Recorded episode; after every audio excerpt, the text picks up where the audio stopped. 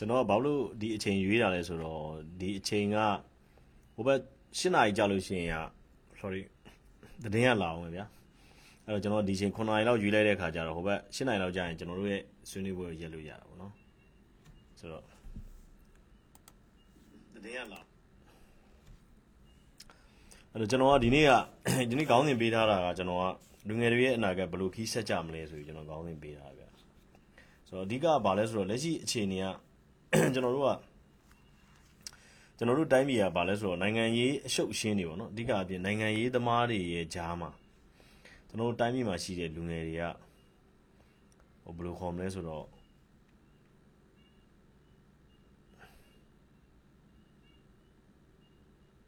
တိုင်းပြည်မှာရှိတဲ့လူငယ်တွေကဟိုနေစားပင်ဖြစ်ရအောင်နော်တိုင်းပြည်မှာရှိတဲ့လူငယ်တွေနေစားပင်ဖြစ်တဲ့အတွက်ဟိုတိုင်းပြည်လည်းဘယ်လိုပဲဖြစ်ဖြစ်တိုင်းပြည်မှာလည်း စိုးကျိုးတွေတက်ရောက်မှုရှိတာပေါ့နော်အဲ့တော့အဲ့ဒါလေးကိုကျွန်တော်တို့ကဟိုဆွေးနွေးကြရင်ကောင်းမယ်ဆိုပြီးတော့ကျွန်တော်ခေါင်းစဉ်လေးတက်လိုက်တာဆိုအဲ့တော့ကျွန်တော်ဒီနေ့နည်းနည်းလေးလူလေးနည်းနည်းစောင့်ပြီးတော့စောင့်လိုက်ကြရင်ကောင်းပြီနော်ကျွန်တော်တို့သိဆွေးနွေးတာကတိတ်အကြိုက်ပေါ့ပေါ့၈နိုင်လောက်ဆိုကျွန်တော်တို့ပြီးဆိုလုံးလုံးဆိုတဲ့တယောက်ကဝင်ဆွေးနွေးဖို့ကျွန်တော် request လုပ်တာကျွန်တော်ပြန်ပို့လိုက်တာပြန်ပြုတ်ကြသွားတယ်ဆိုတော့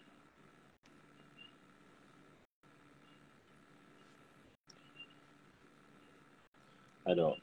အဓိကတော့ဘာကြောင့်လဲဆိုတော့လူငယ်တွေလူငယ်တွေအကြောင်းကိုကကျွန်တော်တို့ကပြောရရင်ဘယ်လိုခေါ်မလဲဟိုဆွေးနွေးတင်တယ်ပေါ့နော်ဆွေးနွေးတင်တယ်လူငယ်တွေအကြောင်းကိုပြောတင်တယ်အဲလူငယ်တွေအကြောင်းကိုကျွန်တော်ပြောလို့ရှိရင်လူငယ်တွေအဓိကဆွေးနွေးစဉ်ဆွေးနွေးစေခြင်းတယ်ဘာကြောင့်လဲဆိုတော့ဟိုကျွန်တော်တို့ငယ်တုန်းကဖတ်ရတဲ့အစာအုပ်ကောင်းတွေတခုလို့ပေါ့နော်အနာဂတ်ကိုတိုးပိုင်ထားသည်ဆိုတဲ့ဟာမျိုးပေါ့နော်အဲ့လိုမျိုးအမှန်ပါတယ်လူငယ်တွေက ဘယ်လိုအခြေအနေမျိုးမှာပဲဖြစ်ဖြစ်လူငယ်တွေကသူတို့လက်ထဲမှာအနာဂတ်ရှိနေတယ်ဒီအနာဂတ်ကိုဟိုမိမိရရကင်နိုင်မှုအတွက်လူငယ်တွေကသူတို့ရှိမှာဟိုစွမ်းပကားတစ်ခုခုတော့ရှိဖို့လိုတာပေါ့ဗျာအနာဂတ်ကိုတို့ပိုင်ထားပြီဆိုပြီးအိတ်နေလို့တော့မရဘူးပေါ့နော်အဲ့လိုပဲအနာဂတ်ကိုတို့ပိုင်ထားသည်ဆိုပြီးတော့ဟိုပောက်ကြရရှောက်လုပ်နေလို့ရှိရင်လည်းအဲ့ဒီလူငယ်အတွက်အဲ့ဒီလူငယ်ပိုင်တဲ့အနာဂတ်ပောက်ကြရအနာဂတ်ပဲဖြစ်မှာအဲ့ဒါမျိုး ကျွန်တော်တို့အဓိကအဖြစ်ဟိုလူငယ်တွေနဲ့ပတ်သက်တဲ့ဟာတွေကဘယ်လိုပဲဖြစ်ဖြစ်ဟိုဆွေးနွေးတဲ့နေလို့ကျွန်တော်အဲ့လိုသုံးသပ်တယ်လေအဲ့လိုသုံးသပ်လို့ကျွန်တော်ဒီဒီဟိုနေ့လေးကိုပြောရရင်ဒီခေါင်းစဉ်ကိုကျွန်တော်ရွေးလိုက်တဲ့သဘောပေါ့နော်ဒီမျက်မှန်နည်းနည်းတိတ်ဘုံနဲ့မဖြူပြနည်းနည်းနည်းနည်းဝါးနေနည်းလောကျွန်တော်ဒီမျက်မှန်ကတော့နည်းနည်းလေးကိုင်းတော့တိတ်မကောင်းဒါပေမဲ့ မျက်မှန်ကြည့်ရကောင်းတယ်မျက်မှန်လေးကနည်းနည်းကောင်းတယ်ကျွန်တော်အဲ့လောက်ထားရဆိုတော့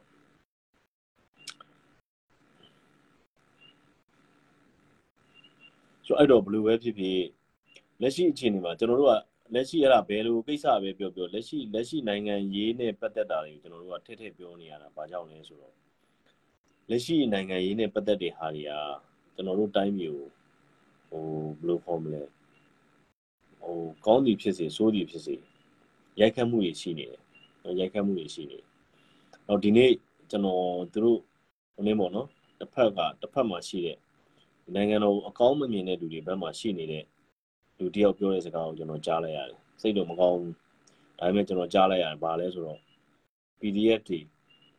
PDF ဆိုတဲ့ကောင်တွေသူတို့ရဲ့မိဘတွေကသူတို့သားသမီးအလောင်းတွေကိုလာပြီးတော့ပြန်လူနေရတယ်ဆိုတဲ့အကြောင်းပေါ့နော်။သူတို့လာအဲ့ တည်ထားတဲ့အလောင်းပုံကြီးကြားမှာသူတို့သားသမီးတွေကိုလာပြီးတော့ရှာနေရတယ်ရှာပြီးတော့ကို့အလောင်းကိုဆွဲပြီးတော့မိတကြိုနေရတယ်ဆိုတဲ့ဟာမျိုးเนาะတရဏဂုံတင်တာတော့သူတို့ဆိုင်တဲ့ကြေးရွာတွေမှာမတင်ရဲပဲနဲ့เนาะသက်ဆိုင်ရာကြေးရွာတွေမှာမတင်ရဲပဲနဲ့အားလုံးကတရဏဂုံတင်တာတော့ကိုးရောင်ကိုးဝန်းနဲ့တင်နေရတယ်ဆိုတဲ့ဟာတွေပေါ့เนาะတော့ဒါတွေကျွန်တော်မြင်နေရတယ်နောက်တစ်ခုကဘာလဲဆိုတော့တစ်ဖက်ကအခြေအနေအဖြစ်ရှုံးလာတယ် အနေအထားအဖြစ်ရှုံးလာတယ်ပြည်ရင်းပြည်ပမှာရှုံးနေရင်ဆိုင်လာတော့ဘာတွေလောက်လာလဲဆိုတော့ဝါဒဖြန့်ချီဗီဒီယိုတွေကိုတော်တော်များများလောက်လာတာတွေ့ရတယ်ကျွန်တော်မနေ့ကဆိုလို့ရှိရင်ကျွန်တော်အဲ့ဒါလေးအတွက်ကိုကျွန်တော်မြန်မာတူလေးမှာကျွန်တော်ကျုပ်လေးနော် footage လေးလုပ်ပြီးတော့ကျွန်တော်အဲ့ဒါကိုပြပါမယ်နော်ဆိုတော့တော်တော်များများကဟိုဘက်မှာကပြောရလို့ရှိရင်ဒီ NUG တို့နော် PDF တို့ဘက်မှာကအရှုံးနဲ့ရင်ဆိုင်ရတာများလာတဲ့ခါကျတော့သူတို့ကဘာလုပ်လဲဆိုတော့ ရှိသမျှလူနည်းနည်းနဲ့ကြဲကြဲဝိုင်းပြီးတော့ဝါရဖြန့်ဗီဒီယိုတွေအရန်ရိုက်လာတယ်နော်ဝါရဖြန့်ဗီဒီယိုတွေအရန်ရိုက်လာတယ်ကျွန်တော်တို့ကြားတာကဘာဖြစ်လဲဆိုတော့ဒီ NUG တို့ဒီ PDF တို့ကပြောရရင်မကောင်းပါဘူးဗျာတောက်တောက်လဲနော်တောက်တောက်လဲဟိုနေအဲ့ဒါကြောင့်ကျွန်တော်တို့အရင်တော့ဟိုနေတို့တွေ့မှာပေါ့စင်ကာပူကကြက်ကြီးက dead bat တွေဟလားလူဒီကောင်ထုတ်တဲ့အိတ်တွေနော်သူပို့တယ်ဆိုပြီးတော့အဲ့ဒါဟိုနေဖြစ်တာ ဆိုတော့ဒါသူတို့ကသူတို့ဘောသူတို့တည်ထားပြီးသားလေသူတို့ဒီဟိုနေနေဘယ်လိုကောင်းမလဲဒီသူတို့ဒီဒီဒီကလေးတွေဟလာတေကြတော့မယ် PDF တွေတေကြတော့မယ်ဆိုကြက်ကြီးကအစိုးရတွေကတည်ထားတယ်တည်ထားတာသူအဲ့မှာ dead bat တွေပေါ့နော်လူဒီကောင်ထုတ်တဲ့ဟိုနေနေ plastic အိတ်တွေသူအများကြီးရှာပြီးသူအဲ့ကိုပို့တာအဲ့ဒါမျိုးပေါ့ဒါပေမဲ့အခုကဘာဖြစ်လဲဆိုတော့လက်ရှိအခြေအနေမှာကသူတို့အဲ့ဒါတွေအကုန်လုံးကဟိုနေမှာဆိုလဲ ကရင်ဒီဘက်မှာဆိုလဲသူတို့ဒီဟိုနေနေမျိုးသားတွေအထုတ်လိုက်အထုတ်လိုက်ပုံထားရတယ် PDF တွေရဲ့မျိုးသားတွေ PDF တွေရဲ့ dead body တွေအထုတ်လိုက်အထုတ်လိုက်ပုံထားရတယ်ဒီ KN ဟိုနေမှာကရင်ဒီပြည်နယ်ဘက်မှာဒီဘက်က KNU ဘက်မှာလည်းအဲ့လိုပဲနောက်ပြီးတော့အခုမြိုင်တို့ဘာတို့ဘက်မှာလည်းအဲ့လိုပဲမြင်မကောင်းဘူးလေနော်ဆိုတော့ကျွန်တော်တို့က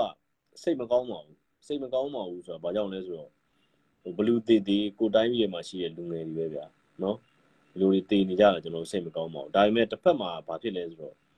တစ်ဖက်မှာသူတို့အနေနဲ့အင်အားအင်အားနည်းလာတာနဲ့အမျှဘာလုပ်လာလဲဆိုတော့ဝါရဖြန့်ချီဗီဒီယိုတွေကိုသူတွေရိုက်လာတယ်အဲ့ဝါရဖြန့်ချီဗီဒီယိုတွေကိုကျွန်တော်ဟိုမနေ့ပြန်လောက်ဖြစ်ဖြစ်ကျွန်တော်တင်ပေးပါမယ်เนาะကျွန်တော်တို့မြန်မာတူလေးမှာမြန်မာတူလေးစီစဉ်မှာကျွန်တော်တို့တင်ပေးပါမယ်ဆိုတော့မြန်မာတူလေးဆိုတာကျွန်တော်တို့ပြောထားတဲ့အတိုင်းမြန်မာပြည်မှာဖြစ်နေတဲ့ဟာတွေအတွက်ကိုကျွန်တော်တို့ရိုက်ထားတာဟိုပြောပြနေတာလို့ပြောတယ်အဲမြန်မာတူလေးအစီအစဉ်မှာကျွန်တော်တင်ပေးပါမယ် တည်လိုက်ကြတာတောက်တောက်လေးပဲသူတို့ကအဓိကအဖြစ်နှစ်ပိုင်းနှစ်ပိုင်းခွဲထားတာပေါ့နော်တစ်ခါကဘာလဲဆိုတော့လူငယ်တွေကိုထိုးကြွေးထားတယ်လူငယ်တွေကိုထိုးကြွေးထားတဲ့အတွက်သူကဘာလို့လဲဆိုတော့တစ်ဖက်မှာသူက online နဲ့လောက်ထားတယ်ဘာခေါ်မလဲသူတို့ R2P နဲ့ပြန်ထောက်ထားတာပေါ့နော် R2P နဲ့ပြန်ထောက်ထားတယ်ဘာကြောင့်ပြန်ထောက်ထားလဲဆိုတော့သူကအဲ့ဒီအခု dead body အားလုံးကိုသူတို့ဓာတ်ပုံတွေရိုက်တယ်ဟဟလားဗီဒီယိုတွေရိုက်ကြတယ်ပြီးတော့သူတို့ကဒါတွေကိုအရက်သားတွေပါဆိုပြီးလုပ်လိမ့်မယ်ကျွန်တော်ပြောတာမယုံစောင့်ကြည့်နော်အရက်သားတွေကိုဟဟလား တက်မတော်တက်တယ်ဆိုပြီးသူတို့မကြခင်လုပ်လိုက်မယ်ဒါပေမဲ့အဲ့ဒါတွေအကုန်လုံးကအကျန်းဖက် PDF တွေကြီးပဲအကျန်းဖက် PDF တွေအဲ့ဒီကရင်နေရယ်နောက်အခုမြိုင်တို့နော်အဲ့ဒီစကိုင်းတိုင်းမှာတေတာမှတောက်တောက်လဲပဲတောက်တောက်လဲပဲကျွန်တော်တို့တချို့ဓာတ်ပုံတွေကျွန်တော်တို့တွေ့ရတယ်နော်အဲ့ဒါတွေကမကြခင်ကျန်အဲ့ပြည်သူတွေကိုဆုလိုက်ပြုံလိုက်တတ်ပါတယ်ဆိုတော့ဘာတွေသူတို့သူတို့မကြခင်မှာអော်လာလိမ့်မယ်နော်မကြခင်မှာអော်လာလိမ့်မယ်နောက်တစ်ခုကဘာဖြစ်လဲဆိုတော့တိုင်းပြည်ကတဖြည်းဖြည်းနဲ့စီပင်သားရလာတာနဲ့အမျှ တစ်ဖက်ကဒီ NUG အုပ်စုတွေကဒါကိုမနာလို့မရှုစိမ့်နဲ့တခုခုတော့ဒီကောင်တွေရုံရင်းဆန်ကဖြစ်အောင်လုပ်လိမ့်မယ်တိုင်းပြည်မှာကျွန်တော်အဲ့ဒါကို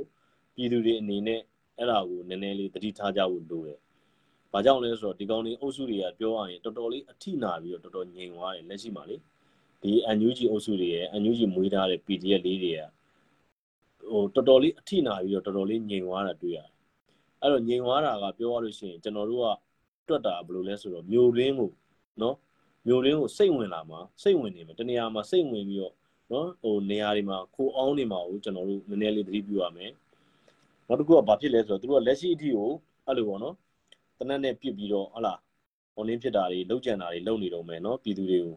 ဟိုတာမန်ဟိုနေမော်နော်ဘလို့ဟောမလဲကျွန်တော်တို့ဒီဟိုနေနေပေါ့ innocent civilians တွေကိုတက်တာတွေဟလာအကြောက်တရားလွှမ်းမိုးအောင်လုပ်နေတော့မယ် အဲ့ဓာတွေကိုလည်းကျွန်တော်ကအဓိကအဖြစ်အဲ့ဓာတွေအတွက်ဗာပြောချင်လဲလို့မေးလာလို့ရှိရင်အဲ့ဓာတွေကိုအဓိကအဖြစ်ကကိုတက်ဆိုင်ရာရက်ရွာမှာရှိတဲ့နော်တက်ဆိုင်ရာဒေသမှာရှိတဲ့လူငယ်တွေနော်ရက်ွက်တွေကြီးရွာတွေအုပ်ချုပ်မှုတွေအနေနဲ့အဲ့ဓာတွေကိုနေကင်းညကင်းစောင့်ပြီးတော့စောင့်ကြည့်တင်တယ်လို့ကျွန်တော်တို့ကအကြံပေးခြင်းတယ်နော်နောက်တစ်ခုကအဓိကအဖြစ်ကျွန်တော်တို့တွေ့နေတာအခုကနောက်ပိုင်းလာပြီးတော့ ဒီကောင်တွေအကြမ်းဖက်သမားတွေဝင်လာပြီးတော့တာမန်ပြည်သူကိုလုံးကျန်တာအဓိကအဖြစ်စိုက်ကယ်ခြင်းနဲ့ဖြစ်လာတယ်နော်နောက်သူတို့ရဲ့ nature တွေကိုကျွန်တော်တို့ပြောပြ nature တွေကပထမဟလာအဲ့ဒီအိမ်သားပတ်ဝန်းကျင်ကိုလာကြည့်မယ်မအောင်မလဲနဲ့ပြီးလို့ရှိရင်တောတဲ့နေရာကိုကြည့်မယ်အဓိကအဖြစ်သူတို့တွေအခုကလောက်ကြံမှုတွေလောက်တာအိမ်နဲ့လက်ဖက်ရည်တိုင်းပေါ့နော်သူတို့တွေလူတယောက်ကိုလောက်ကြံတော့မယ်ဆိုလို့ရှိရင်သူတို့တွေအဓိကအဖြစ်အဲ့လူနေထိုင်တဲ့အိမ်ကိုအဓိကကြည့်ကြတယ်အဓိကသူတို့တွေအဲ့မှာဟိုဟို ဟိုအချိန်ယူပြီးကြည့်တယ်ဘယ်ချိန်ပြန်တက်လဲဘယ်ချိန်လာတက်လဲကြည့်တယ်နောက်တစ်ခုကကြတော့ကျွန်တော်တို့လက်ဖက်ရည်ဆိုင်ပေါ့နော်လက်ဖက်ရည်ဆိုင်ပေါ့အဲ့လက်ဖက်ရည်ဆိုင်ကြီးအဲ့နှစ်ခုကသူတို့ရဲ့ပြစ်မှတ်တွေဖြစ်နေတယ်ပြစ်မှတ်တွေဖြစ်နေတယ်အဲ့တော့ကျွန်တော်တို့ကပြည်သူတွေအနေနဲ့ကတစ်ကမိမိဟိုဘယ်လိုခေါ်မလဲအဓိကအဖြစ်မိမိတွားတာလာတာပုံမှန်မဖြစ်ပါစေနဲ့နော်ပုံမှန်မလုပ်နဲ့ဟလာမနေ့9နာရီမှထွက်တယ်ညနေ4နာရီပြန်လာတယ်ဟလာပြီးလို့ရှိရင်ဒီလမ်းကပဲပြန်လာတယ် ဟလာဟိုအဲ့လိုမျိုးမလုပ်နဲ့နောက်တစ်ခုကဘာလဲဆိုတော့လူစိမ့်ဆိုရင်လုံးဝမယုံနဲ့အချိန်ကိုလွှဲပြီးသွားအောင်ထားပါတော့ဒီနေ့မနေ့9နာရီကထွက်တယ်ဆိုနောက်နေ့ကျလို့ရှိရင်7နာရီလောက်မှထွက်ရင်ထွက်ဒါမှမဟုတ်လို့ရှိရင်ဟုတ်တယ်အိမ်ကအိမ်ကထွက်တဲ့အချိန်မှန်တယ်ဆိုလို့ရှိရင်ဝင်တဲ့အချိန်ကိုကျွန်တော်တို့နည်းနည်းလေးနောက်ကျလိုက်စောလိုက်လို့နောက်ပြီးတော့ဝင်တဲ့လမ်းတွေကိုဟုတ်လားကျွန်တော်တို့တနေရာတွေကမဝင်နဲ့တနေရာတွေမထွက်နဲ့ဒါမျိုးပေါ့အဲအဲ့ဒါမျိုးနောက်ပြီးတော့ မိမိကကားစောင့်နေဘတ်စကားစောင့်နေဘာညာဆိုလို့ရှိရင်တော့တနေရာထဲမှာပုံစံမစောင့်နဲ့ဟုတ်လားဘတ်စကားကိုလှမ်းမြင်ရတဲ့နေရာမှာကြည့်အဲဒါမျိုးတွေနောက်လက်ဖက်ရည်တိုင်းထိုင်တဲ့အခါမှာတငယ်ချင်း3 4 5ယောက်နဲ့ထိုင်ပါတယောက်တည်းမထိုင်နဲ့နော်အဲအဲ့တော့အဓိကအဖြစ်ကတော့ဟိုမိမိကဟလာဒီကောင်တွေရဲ့ဟိုဘယ်လိုခေါ်မလဲတက်ကက်ထဲမှာပါနေတယ်လို့တန်ရရှိရင်သွားတာလာတာကိုသတိနဲ့ထားပါနောက်တစ်ခုကကိုကလက်ဦးမှုရအောင်အမြဲတမ်း ပြောရရင်ကိုကပြန်ချောင်းတဲ့လူဖြစ်ပါစေနော်သူတို့ကိုပြန်လှည့်စားပါကျွန်တော်ပြောပြသူတို့ကိုပြန်လှည့်စားပါဒါမျိုးလေးတွေပေါ့နော်နောက်တစ်ခုကဘလို့ပဲဖြစ်ဖြစ်တခုခုဖြစ်လာလို့ရှိရင်လုံခြုံရေးတပ်ဖွဲ့တွေရဲ့အကူအညီကိုတောင်းခံပါနော်ကျွန်တော်တို့အဲ့ဒါလေးတွေကျွန်တော်တို့အကြံပေးခြင်းတယ်အဓိကအဖြစ်ကျွန်တော်ဖြစ်စေချင်တာဘယ်လိုလဲဆိုတော့ရက်ကွက်တွေမှာအရန်မိတက်တွေရှိတယ်ကြက်ချင်တွေရှိတယ်ဒီလူငယ်တွေအနေနဲ့ဒီချိန်မှာဟာလားကိုရက်ကွက်တွေမှာဟာလားကင်းလှည့်တာတို့ပါလို့တင်တယ်မတင်ကားတဲ့လူတွေတွေ့လို့ရှိရင် ခေါ်ယူစစ်ဆေးတာပါလို့တင်တယ်အဲ့လိုလုပ်လို့ရှိရင်ထားပါတော့ဒီကောင်တွေကတန်းထန်နေကျွန်တော်တို့ကဒါကျွန်တော်တို့ဒီမှာဘာမှမပါဘူးမှန်တယ်ဒါကလည်းကျွန်တော်တို့ပြန်စဉ်းစားရမယ့်အရာတစ်ခုပေါ့နော်သူတို့လက်ထဲမှာတနက်တွေရှိနေတယ်ဆိုတော့မှန်တယ်နောက်တစ်ခုကဒီဘက်မှာကကျွန်တော်တို့ကြားတာကလက်ရှိအခြေအနေမှာကအခုက NUG ကဟိုပြောရရင်ရုရှားနဲ့ရုရှားရုရှားနဲ့ရုရှားအုပ်စုဝင်နိုင်ငံတွေမြန်မာတွေပေါင်းပြီးတော့ကျွန်တော်တို့ဒီဟိုနေ့မှာဒေတာရင်းမှာအချမ်းဖက်စန့်ကျင်ရေးเนาะဟိုလှုပ်ရှားမှုတွေမကြခင်မှာလုပ်တော့မယ် ကျွန်တော်လုပ်တော့မယ်ဆိုတော့ပြောလို့ရှိရင် data တွင်းမှာရှိနေတဲ့ UNG အုပ်စုတွေကမကြခင်မှာဒီကောင်တွေပြေးပေါက်မှားတော့မယ်နော်ကျွန်တော်ပြောချင်တာအဲ့တော့ကျွန်တော်ကဘာလို့နောက်ပြီးတော့ကျွန်တော်တို့ကိုလှမ်းပြီးတော့ဟလာဟိုကျွန်တော်မနေ့က live မှာလည်းကျွန်တော်ပြောတယ်ဟလာဟိုလှမ်းပြီးတော့ဘာဟိုဘယ်လိုခေါ်မလဲသူတို့ရဲ့သားသမီးတွေအတွက်ဟိုနေပေါ့နော်ဟိုဘယ်လိုခေါ်တချို့တွေကဒီ PDF တွေဝင်သွားတာပြန်ပြီးတော့ဟလာ ခေါ်လို့မရဘူးအဲ့ဒါဘယ်လိုခေါ်လို့ရရင်ကောင်းမလဲပါညာဆိုပြီးမေးတာရှိတယ်ဒါတွေကကျွန်တော်ပြောတာကခုနကျွန်တော်ပြောသလိုလုံခြုံရေးတပ်ဖွဲ့တွေနဲ့တိုင်ပင်ပါနော်လုံခြုံရေးတပ်ဖွဲ့တွေအကြံဉာဏ်ကိုရယူပါနော်ဒါမျိုးကျွန်တော်ပြောခြင်းတယ်နောက်တစ်ခုကဘာဖြစ်လာလဲဆိုတော့ဒီနော် PDF အဖွဲ့တွေကဟိုဓမြတိုက်မှုတွေကိုအခုတွင်နေလောက်လာတယ်အဓိကအားဖြင့်ကျွန်တော်တို့အခုနော်ဒီနေ့ဆိုလို့ရှိရင်ကျွန်တော်ထင်တယ်နော်ဒီဓမြတိုက်မှုနှစ်ခုဖြစ်တယ် နှစ်ခုဖြစ်တာကကျွန်တော်တို့ဖအံမှာတစ်ခုဖြစ်တယ်ဖအံမှာတစ်ခုကဖမ်းမိလိုက်တယ်နော်ဖအံမှာတစ်ခုကဖမ်းမိလိုက်တယ်နောက်တနေရာကတော့မဖမ်းမိသေးဘူးနော်အဲ့တော့ဘယ်လိုပဲဖြစ်ဖြစ်အဓိကကျွန်တော်တို့ပြည်သူလူတွေကျွန်တော်တို့အမြဲပြောနေတယ်လို့ပဲစီးရုံးရမယ်စီးလုံးရမယ်နော်အခုကဘယ်လိုပဲဖြစ်ဖြစ် NUG နဲ့ PDF တွေကကျွန်တော်တွေဖြစ်ကုန်ပြီကျွန်တော်တွေဖြစ်ကုန်ပြီဆိုတော့ သူတို့အနေနဲ့တဖြည်းဖြည်းနဲ့ကိုယ့်ရက်ွက်တွေကိုပြန်စိတ်ဝင်လာမှာကိုယ့်ရက်ွက်တွေကိုယ့်ကြေးရွာတွေကိုဘယ်လိုပဲဖြစ်ဖြစ်ဒီကောင်းလေးအပြင်မှာနေလို့မရတော့ဘူးเนาะအပြင်မှာနေလို့မရဒါမှမဟုတ်သူတို့တွေရက်ွက်ကြေးရွာတွေပုံစံတနည်းနည်းနဲ့စိတ်ဝင်လာကြတော့မယ်ပုံစံတနည်းနည်းနဲ့စိတ်ဝင်လာကြတော့မယ်အဲ့လိုစိတ်ဝင်လာတာကိုတောင်ဝင်သည့်ပြည်သူတွေအနေနဲ့သတင်းပေးရမယ်เนาะဒါမျိုးတွေလုပ်ရတော့မယ်ကျွန်တော်တို့အဓိကကတော့ပြည်သူတွေပူးပေါင်းပါဝင်ရမယ်လက်ရှိအထိလည်းပြည်သူတွေပူးပေါင်းပါဝင်မှုတွေအများကြီးရှိတယ်ဒါကြောင့်မလို့လေ ဒီအကြမ်းဖက်စစ်စင်ရေးကအောင်မြင်တာပေါ့နော်အောင်အတိုင်းထက်အလွန်အောင်မြင်တယ်လို့ပြောရမှာပေါ့နော်ကျွန်တော်တို့ခံမှန်းကြည့်တာကဘာလဲဆိုတော့ပြီးခဲ့တဲ့နှစ်တစ်နှစ်လုံးကမာပြီးတော့ချတဲ့အပိုင်းဖြစ်မယ်ဒီနှစ်တစ်နှစ်လုံးမှာဇက်တိုက်ဇက်တိုက်ဇက်တိုက်ဆိုလိုပဲဒီပြောစဉ်းစားကြည့်ဗျာဆန္ဒပြမဲ့နေရာတွေကိုအတိအကျသိနေတယ်နော်ဆန္ဒပြတဲ့လူတွေကိုဆန္ဒပြပြီးရတဲ့ချက်ချင်းဖမ်းနိုင်တယ်နော်ဘုံခွဲမဲ့လူတွေဘုံခွဲတဲ့လူတွေကိုဘုံခွဲပြီးတာနဲ့ချက်ချင်းဖမ်းနိုင်တယ်ပေါ့နော်ဒါမျိုးတွေပေါ့ အများကြီးဒါမျိုးတွေပြောရင်ကိုယ့်ဘက်ကသတင်းလက်ဦးမှုတွေအများကြီးရလာတယ်အဓိကကကျွန်တော်တို့နယ်တွေအတွက်ကိုဘယ်လိုစဉ်းစားမလဲဆိုတာမျိုးလေးပေါ့နော်နယ်တွေအတွက်ကိုနောက်တစ်ခုကတချို့တချို့ပြည်သူတွေကြားမှာကလက်ရှိ NASA ကခေါင်းဆောင်တွေကိုဟိုဘယ်လိုခေါ်မလဲအားမလို့အားမရဖြစ်တာတွေကျွန်တော်တို့တွေ့ရတယ်ဒါတွေကလည်းပြောရရင်ဗျာဟိုကျွန်တော်တို့ကဘယ်လိုခေါ်မလဲတယောက်နဲ့တယောက်ကဟိုလေးခွားနဲ့ပြစ်နေတာမဟုတ်ဘူးတဒီဘက်ကနိုင်ငံတော်အစိုးရဖြစ်နေတဲ့အတွက်အစိုးရဆိုတော့သူ့ရဲ့ဟလာမဟာဗျူဟာတွေဌာနဆိုင်ရာတွေအများကြီးအားလုံးဝိုင်း တိုင်းဝိုင်းပြီးတော့တိုင်မင်တာတွေဆွေးနေတာတွေလုပ်ရတယ်မဟာဗျူဟာချရတယ်ဒီလိုဒီလိုမျိုးလုပ်ရတာဟိုကျွန်တော်တို့ဟိုဟိုတိုက်ချင်တဲ့အချိန်သွားတိုက်ဟောဆုတ်ချင်တဲ့အချိန်ဆုတ်ဟလာပြေးချင်တဲ့အချိန်ပြေးဒါမျိုးလုပ်လို့မရဘူးပေါ့နော်အစိုးရတရက်အနေနဲ့အဲ့ဒါလေးကိုတာမန်ပြည်သူတွေကနားလည်ပြီးဒါမဲ့မှန်တယ်အဲ့ဒါဆိုလို့ရှိရင်ဟလာကျွန်တော်ကျမတို့ကအသေးခံရမှာလားဆိုရမျိုးလည်းမေးလို့ရတာပေါ့နော်ဒီလိုတော့လည်းမဟုတ်ပါဘူးဒီလိုလည်းမဟုတ်ပါဘူးဟို အားလုံးကကိုကြေးပါခါကိုဒေတာမှာဟိုညီညီညာညာနဲ့အားလုံးကဝိုင်းပြီးတော့ online လောက်ရမှာပါဘယ်လိုခေါ်မလဲခုခံတွန်းလှန်ကြရမှာပါကျွန်တော်တို့ကဒီလိုပဲအကြံပေးလို့ရတယ်လေနောက်တစ်ခုကဘာဖြစ်လဲဆိုတော့အခုလက်ရှိကဟာလားကဘာကြီးအခြေအနေအရကဘာမှာဖြစ်ပျက်နေတဲ့အခြေအနေအရလည်းဒီ NUG ကိုပြောရလို့ရှိရင်ဘယ်သူမှမသုံးတော့ဘူးဗျာနေရာမပေးတော့ဘူးเนาะအဲ့လိုမျိုးဖြစ်လာတယ်။ဘာကြောင့်လဲဆိုတော့နောက်တစ်ခုကဘာဖြစ်လဲဆိုတော့ NUG နဲ့ဆက်ဆံတဲ့တချို့အစိုးရအဖွဲ့တွေမရှိဘူးလားမဟုတ်ရှိပါတယ်။ ရှိပေမဲ့တချို့အစိုးရအဖွဲ့တွေကသူတို့ကဘယ်လိုပြောလဲဆိုတော့သူတို့နဲ့ဆက်ဆံတာကိုမသိစေချင်ဘူးပေါ့နော်။ဒါကတော့ပြောရလို့ရှိရင်သူတို့က double standard ရှိတဲ့အစိုးရအဖွဲ့တွေပေါ့နော်။သူတို့နဲ့ဘာလို့ NUG ကိုသူတို့ကဟိုပြောရလို့ရှိရင်ဟိုနေ့မလုပ်ချင်ဘူးပေါ့။တရားဝင်အသိမှမပြုချင်ဘူးအခြေအနေအရသာဆက်ဆံရင်ဆက်ဆံနေတယ်။တရားဝင်ဖြစ်လုံးဝအတိမတ်ပြုခြင်းမရှိဘူးအဲ့လိုပဲသူတို့နဲ့ဆက်ဆံတာတော့တခြားအစိုးရတွေအတိမခံခြင်းတဲ့လူတွေအများကြီးရှိတယ် ဒါကလည်းသူတို့တွေကလူတွေပြောတာနော်သူတို့တွေကဟလာဒီဒီဒီဇင်မောင်အောင်တို့ဘာလို့ရဲ့အင်တာဗျူးတွေမှာကျွန်တော်တို့အများကြီးနားထောင်ပါတယ်အများကြီးလည်းအဲ့လိုတွေတွေ့ရပါတယ်ကြားရပါတယ်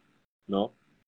အဓိကအဖြစ်နောက်တစ်ခုကဘာဖြစ်လဲဆိုတော့ဒီ NUG အုပ်စုတွေကပြိုကွဲနေပြီဒါပြိုကွဲတယ်ဆိုတာလေကျွန်တော်တို့ကပွင့်လင်းပြောရရင်ဟိုဟို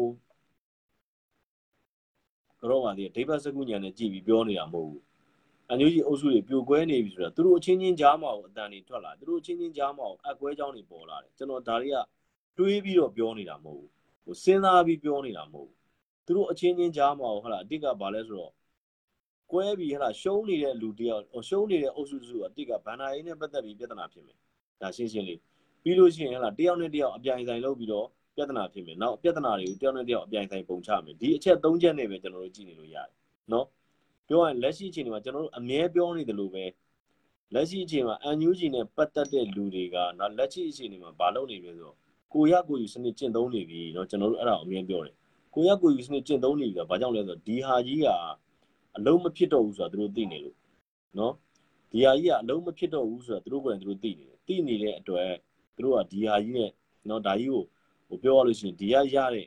ဟိုအကျိုးအမြတ်တွေအားလုံးကိုသူတို့ကဟိုပြောရလို့ရှိရင်ဟိုနေ့လုံနေပြီ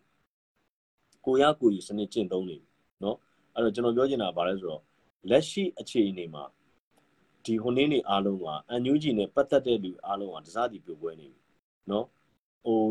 ကျွန်တော်တို့အခုထားတော့ဟလာဟိုပန်ဆယ်လို့ဆိုလို့ရှိရင်လည်းနော်ဟိုသူသူရတဲ့ပတ်စံအကုန်လုံးသူ့ဘောက်သူယူနေပြီပန်ဆယ်လို့ဆိုတော့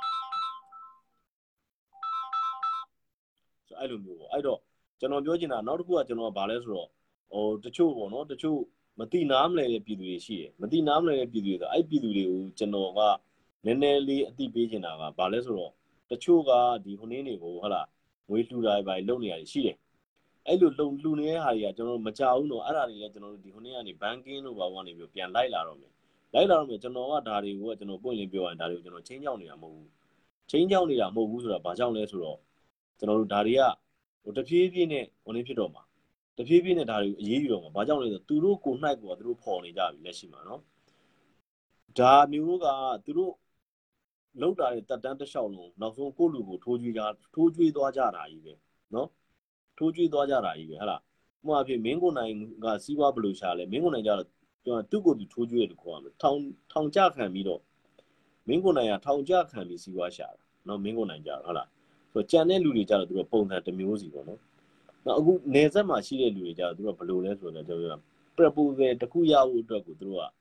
မလုပ်လဲဆိုတော့ခင်ဗျားတို့အဲ့သူပတ်သက်တဲ့လူတွေကိုသူတို့ကအဲ့လိုပေါ့နော်ဒီဘက်ကိုလှမ်းလှမ်းပြီးတော့သူတို့ကိုယ်တိုင်တင်းလှမ်းပေးတာအဲ့ဒါနေဆက်မှာရှိတဲ့လူတွေရဲ့ကြောပါစီစောက်ကျင့်နော်လူငယ်တွေအဲ့ဒါသိစေခြင်းတယ်ဒီဘက်ကိုရောက်လာတဲ့လူတွေကပြောရရင်ဘယ်လိုပဲဖြစ်ဖြစ်ဒီဘက်ကတော့ဟိုတာဝန်ရှိတဲ့အတွက်ဒီဘက်ကတော့ဖန်ဆီးရတော့အရေးယူရတော့လုံးမှာပဲနော်အဲ့ဒါကြောင့်လို့ကျွန်တော်ပြောချင်တာကဘာလဲဆိုတော့ဒီအုပ်စုတွေဟဲ့လားဒီအုပ်စုတွေတစုလုံးဒါတွေကပြောရရင်ဗျာခင်ဗျာ ဟိုဘလူးကောမလန်ခေါင်းစဉ်လေးတွေကပြောင်းသွားတယ်ခင်ဗျာလူတွေကလည်းဒီလူတွေကြီးပဲလုတ်ရက်တွေကလည်းဒီတိုင်းကြီးပဲနော်ဟိုကထားပါတော့ဟလားအခုဆိုလို့ရှိရင်သူတို့ဘာလဲသူတို့ပြောတယ်လားຫນွေဦးတော်လန်ရေးဘာညာလို့တာပြောင်းသွားတယ်အဲမင်းကိုနိုင်တို့ဟုတ်လားဆိုဟိုမျိုးရံအောင်သိန်းတို့ဒီလူတွေကြီးပဲထက်နေတာပဲခင်ဗျာအစ်စ်လည်းမလားဘာသူတို့ကကျွန်တော်တို့အမြဲပြောပါတယ်ဒီစကားတွေကလည်းခလေးစကားလိုဖြစ်နေပြီတိုင်းပြည်အေးချမ်းချမ်းဖြစ်ရင် အဓိကငတ်မဲ့အုပ်စုတွေကမင်းကိုနိုင်တို့အုပ်စုတွေလို့ကျွန်တော်တို့ပြောတယ်နော်အဲ့တော့သူတို့ကိုနိုင်ကိုကဘတော်မှခင်ဗျာတိုင်းပြည်အေးချမ်းချမ်းဖြစ်ဖို့အတွက်ကိုဟိုဘယ်လိုခေါ်မလဲလက်ခံမှာမဟုတ်ဘူးသူတို့ကိုယ်တိုင်လည်းကြိုးပမ်းမှာမဟုတ်ဘူးနော်အခုဆိုလို့ရှိရင်ခင်ဗျာမင်းကိုနိုင်ခေါ်ကြီးမင်းကိုနိုင်ပြောနေရတယ်တော်တော်များများအားလုံးသတိထားကြည့်ဘရော့ပါသေးရယ်စောက်ယူစကားတွေဖြစ်နေပြီလက်တွေ့နဲ့ဘလို့မှမအပ်ဆက်တဲ့ဟာတွေဖြစ်နေပြီနော်ဒါအားလုံးတွေ့တယ်နော် မာပြင်တော့ဟိုမျိုးရအောင်သိန်းလို့ပြောရရင်ဒီမျိုးရအောင်သိန်းလို့ခေါ်ကြီးတို့ကအကုန်လုံးကဟိုအာနာယူယူကုန်ပြီဟို popular ယူယူတယ်ခေါ်တာပေါ့နော် popular ယူယူတယ်ပေါ့နော် selly ယူယူတယ်ခေါ်မှာပေါ့နော် selly ယူယူယူကုန်ပြီအဲ့တော့ဘလို့မှပြောရလို့ရှိရင်ဗျာသူတို့အနေနဲ့ကတော့အခုကပြောရရင်အောင်ဆန်းစုကြည်ဘွားကပြီးသွားပြီနော်အောင်ဆန်းစုကြည်ဘွားကပြီးသွားပြီမင်းကိုနိုင်ဘွားလည်းပြီးသွားပြီပြီးသွားပြီဆိုတော့ကျွန်တော်တို့ finish mode the end the end ဆိုတာပြောရရင်ပြီးသွားပြီလုံးဝတော့မဆက်တော့ဘူးနော် the end တွေဖြစ်ကုန်ပြီအဲ့တော့ game ball တွေဖြစ်ကုန်ပြီဆိုတော့သူတို့ကတော့နောက်ဆုံးမလုပ်မလဲဆိုတော့သူတို့ရဲ့အကျိုးစီးပွားတွေကိုမရရအောင်တိဆောက်မှာပဲလေအဲ့တော့အဲ့နောက်မှာကျွန်တော်တို့ပြောချင်တာအဲ့နောက်မှာပြည်သူလူထုကဟိုဘယ်လိုခေါ်မလဲဘာမသိညာမသိနဲ့ရေးလေးလေးမပါသွားဘူးပဲလိုတယ်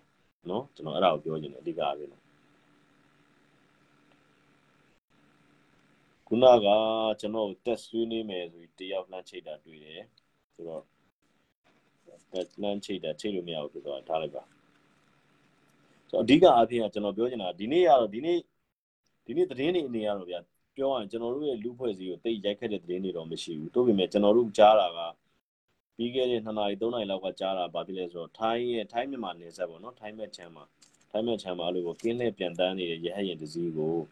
ဒီဘက်ကနေပြီးတော့ KNDO ကနေပြီးတော့သူတို့ကမြန်မာရဟတ်ရင်ချိန်ပြီးတော့ပြောရရင်သူတို့အားလုံးကဒီချိန်မှာလေမြန်နံကြားရင်ကြောက်နေတာ အဲလေရင်ကလည်းနင်းနေလေးပြန်လာတယ်နင်းနေလေးပြန်လာတာကိုကျွန်တော်တို့ပထမကြားတာရောကက်နဲ့ပစ်တယ်ကြားတယ်ဒါပေမဲ့မဟုတ်ဘူးတနက်နဲ့လှမ်းပစ်တာလေရင်ကအမီးပိုင်းကိုထိသွားတယ်အမီးပိုင်းကိုထိသွားဆိုတော့အခုလက်ရှိအခြေအနေမှာကျွန်တော်ထင်တယ်အဲ့ဒီပစ္စည်းအဲ့အန်ယူဂျီအုပ်စုတွေကလက်ရှိမှာဒုက္ခအကြီးရောက်တော့မယ်ထိုင်းနိုင်ငံအကုန်လိုက်ဖမ်းတော့မှာ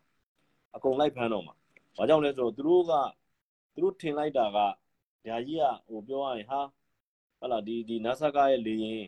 နေနေလေးပြန်လာဆိုပြီးတနက်နဲ့လှမ်းပစ်တာ ပြစ်ချက်ကလည်းကောင်းတယ်အမီးကိုထိတယ်အကုန်ထိအမီးကအမီးတစ်ချမ်းဟိုနည်းဖြစ်သွားတယ်ဟိုတနက်မှန်သွားတယ်ဆိုတော့အဲ့တော့ထိုင်းအစိုးရကဒီပြဒီကိစ္စနဲ့ပတ်သက်ပြီးတော့ပြောရလို့ရှိရင်ကျွန်တော်ထင်တယ် KNDO ကိုအပြတ်စော်မဲ့သဘောမှရှိတယ်ဟိုဘက်ကဟိုဘက်ဒီဘက်ညှက်ပြီးတော့အပြတ်စော်မဲ့သဘောမှရှိတယ်ဒါပေမဲ့ကံကောင်းထောင်းမှသွားပဲအဲ့ဒီထိုင်းစစ်ရဟတ်ရင်ပေါ်မှာပါလာတဲ့ဟိုနင်းတွေထိုင်းတက်မတော်အရာရှိတွေဘာမှမဖြစ်ဘူးလို့ကြားရတယ်ဒါကပြောရလို့ရှိရင် ဒီမြန်မာထိုင်းနယ်စပ်မှာရှိတဲ့ KNU တွေကအဓိက KNU အကြမ်းဖက်အုပ်စုတွေအတွက်ကဟိုအနာဂတ်မရှိတော့ဘူးเนาะအနာဂတ်မရှိတော့ဘူးအနာဂတ်မရှိတော့တာဘာကြောင့်လဲဆိုတော့ထိုင်းဘက်ကလည်းကြိတ်တော့မှာထိုင်းဘက်ကလည်းအပြတ်ကြိတ်တော့မှာအဲ့တော့ PDF တွေအနေနဲ့လည်းပြောရရင် PDF တွေကဘလို့ပြေးလဲဆိုတော့ထိုင်းဘက်ကိုဟိုအလုတ်ချတဲ့လူလူလိုပါလို့ねအလုတ်သမားရောင်ဆောင်ပြီးထိုင်းဘက်ကိုပြေးကြတယ်တော်တော်များများเนาะအဲ့တော့ဒါပေမဲ့ဘလို့ပဲဖြစ်ဖြစ် ဒါဒီဟာတွေဒီဟိုလက်နက်ကင်ကြမ်းဖက်သမားအတွက်ကတော့ကဘာမှနေရာမရှိဘူးနော်နေရာမရှိဘူးဆိုတော့အဲ့တော့ခုနကျွန်တော်ပြောသလိုသူတို့ကမြေပြင်မှာရှုံးနေတဲ့အတွက်ဘာတွေပါလာလဲဆိုခုနပြောသလို propaganda ပေါ့နော် multi dimensional warfare ဆိုတဲ့ပုံစံအတိုင်းပဲမြေပြင်မှာတကယ်နေလားငါလားရှင်ပြိုင်တိုက်တာမနိုင်တဲ့အတွက်သူတို့ကဒီဒီ media ဘောကနေ propaganda တွေပို့လောက်လာတာကျွန်တော်တို့တွေ့ရတယ်နော်ပို့လောက်လာတယ်ပို့လောက်လာဆိုဘယ်လိုလဲဆိုတော့သူတို့ရှိထားတဲ့စစ်တီလောင်တွေဟလား ဟိုတနက်တွေပြအောင်ပေါ့သူတို့တကယ်တိုက်ကြရင်တော့မိကျုံမောင်းပြနေပေါ့နော်ဒါပေမဲ့အဲ့မှာတနက်အကောင်းကြီးကင်ပြီးဟာဘလူကဘလူဘလူကဘလူဆိုပြီးတော့ကျွန်တော်တို့ပြည်သူလူထုကိုဟိုလေလန်းနေဂျင်းထဲတာတွေအများကြီးပို့လောက်လာကြတယ်ကျွန်တော်တို့ကဒါထိုင်ပြီးလေ့လာမျိုးအကုန်လုံးသိတာနော်ဆိုတော့အဲ့လိုမျိုးပေါ့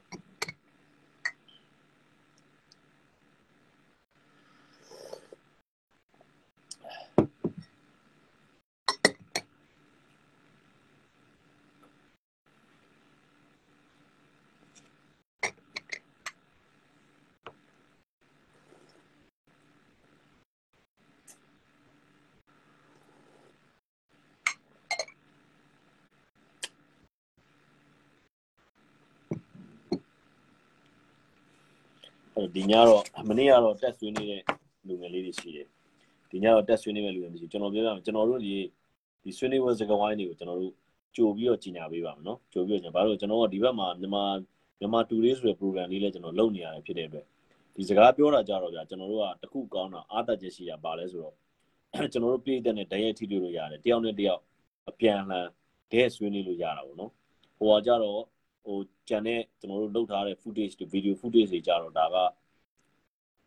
edit လုပ်ပြီးတဲ့အတွက်ဟိုပြောရရင်ဟို live ပြင်လို့တော့ရတယ်ဒါပေမဲ့ဘလူးမော့ဝင်ဆွေးနွေးလို့လည်းမရဘူးပေါ့နော်အဲအဲ့ဒါအဲ့ဒါမျိုးလေးတွေရှိတယ်ဆိုတော့အဲ့ဒါကြောင့်မလို့ကျွန်တော်တို့ပြောချင်တာကဘာလဲဆိုတော့ဒီ live ကိုလွှင့်ရတဲ့အကြောင်းရင်းကအားလုံးဓာတ်ရိုက်ဓာတ်ရိုက်ဝင်ပြီးတော့ဆွေးနွေးလို့ရလို့ကျွန်တော် live ကိုလွှင့်တာပါနော်ဆိုတော့ အဲလူငယ်တွေရဲ့အနာကဘယ်လိုခီးဆက်ကြမလဲဆိုတာအဲ့ဒါအဲ့ဇက်လည်းအဲ့ topic ကပြောရလို့ရှိရင်ဗျဆွေးနွေးရတာတော်တော်လေးဘောင်ကျယ်တယ်ဗျဘောင်ကျယ်တယ်ဆိုတာဘာကြောင့်လဲဆိုတော့လက်ရှိအခြေအနေလက်ရှိအနေအထားမှာမြန်မာပြည်မှာရှိတဲ့လူငယ်တွေအတွက်ကမှန်တယ်အဲ့ဒါတော့မှန်ဘာလို့လဲဆိုလမ်းပြောက်နေနော်လမ်းပြောက်နေဘာလို့လဲဆိုတော့တစ်ဖက်မှာကအဓိကအပြင်လူငယ်တွေကိုအဓိကသွေးလုံးလုံးဆောင်မှုပိုများတယ်နော်တစ်ဖက်မှာလူငယ်တွေသွေးလုံးလုံးဆောင်မှုပိုများတယ်အဲ့တော့ဒီဘက်မှာကကျွန်တော်တို့ဒီနိုင်ငံတော်အနေနဲ့လူငယ်တွေအတွက်ကိုနော် လူငယ်တွေအတွက်ကိုသူတို့လိုသူတို့လိုချင်တဲ့နော်သူတို့လိုချင်တဲ့အနာဂတ်ဖန်တီးပေးဖို့ဆိုတာက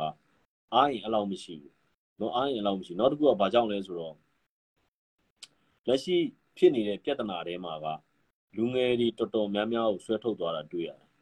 အဲ့တော့ဘာဖြစ်လဲဆိုတော့ကျွန်တော်တို့တိုင်းပြည်မှာလူငယ်တွေရဲ့နော်တိုင်းပြည်အတွက်လူငယ်တွေရဲ့အနာဂတ်ကိုတိဆောက်မယ်ဆိုလို့ရှိရင် ကျွန်တော်တို့အဲ့လူငယ်တွေတဲ့ကနေပြီးတော့လက်ရွေးစင်လူငယ်တွေဆွဲထုတ်မှရတော့မယ်။နော်အဲ့နီးနဲ့ပဲသွားမှရတော့မယ်။ဆိုတော့ဒီတိုင်းအားလုံးအရင်တော့ကလိုမျိုးဟလာဟိုအုပ်ရောရောကြောက်ရောရောအကုန်ဆွဲခေါ်လို့တော့မဖြစ်နိုင်တော့ဘူးနော်။ Israel နိုင်ငံတီထောင်တယ်လို့မျိုးဟို Vietnam နိုင်ငံတီထောင်တယ်လို့မျိုးတရုတ်နိုင်ငံတီထောင်တယ်လို့မျိုးကျွန်တော်တို့အဲ့လူငယ်တွေထဲကမှပြန်ပြီးတော့တကယ် top 10လူငယ်တွေကိုပြန်ရွေးချယ်နိုင်မှာဖြစ်တော့မယ်နော်အဲ့လိုမျိုးပေါ့နော် like go like go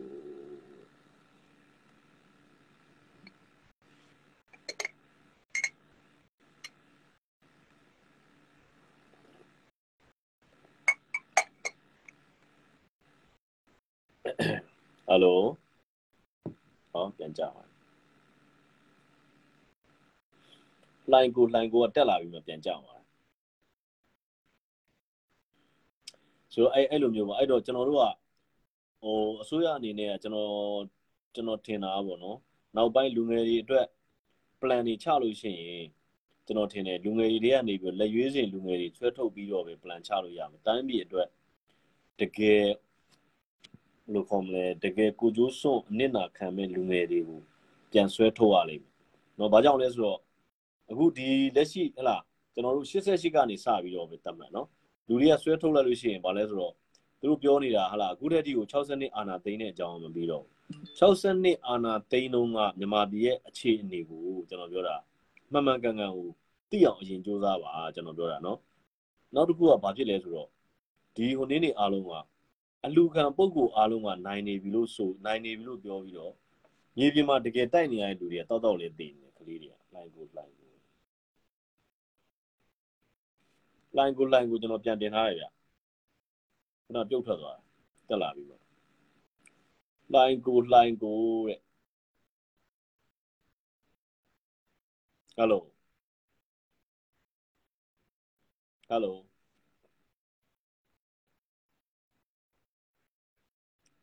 hello line ကို line ကို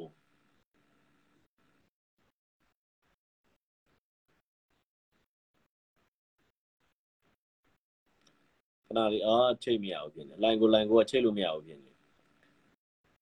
ဘာဖြစ်လို့ line ကြအဲ့ဘက်မှာ line ကြနေတော့မသိကျွန်တော်ထင်တာတော့ထားပါတော့အဲ့တော့အခုကဘာဖြစ်လဲဆိုတော့အလူခံစားနေတဲ့လူတွေပေါ့နော်ဥမာအဖြစ်ပန်ဆယ်လိုမျိုးရအောင်သိန်းခေါ်ကြီးစင်ကာပူကကြက်ကြီး နောက်ပြီးတော့ထိုင်းကအုပ်စုတွေသူတို့တွေကတော့သူတို့ရဲ့ဟိုနေကအကြမ်းဖက်မှုကြီးကနိုင်နေပြီဆိုပြီးတော့လွင့်နေလွင့်နေဟိုနေဟိုဘယ်လိုခေါ်မလဲဝါရဖြန့်နေတယ်ဒါပေမဲ့လက်တွေ့မှာကလက်တွေ့မှာကတောက်တောက်လေးသိနေတယ်နော်အဲ့ဒါကိုလည်းကျွန်တော်တို့ပြည်သူတွေသိဖို့လိုတယ်အခုကဘာဖြစ်သွားပြီလဲဆိုတော့ဟိုအပြိုင်ဆိုင်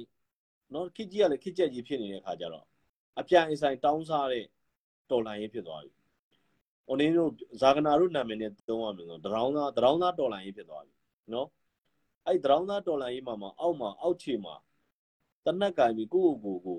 ကိုယ့်အသက်ကိုမနှမျောပဲနဲ့အသေးခံနေတဲ့လူငယ်တွေကတော့တနာဖို့အကောင်းဆုံးပဲ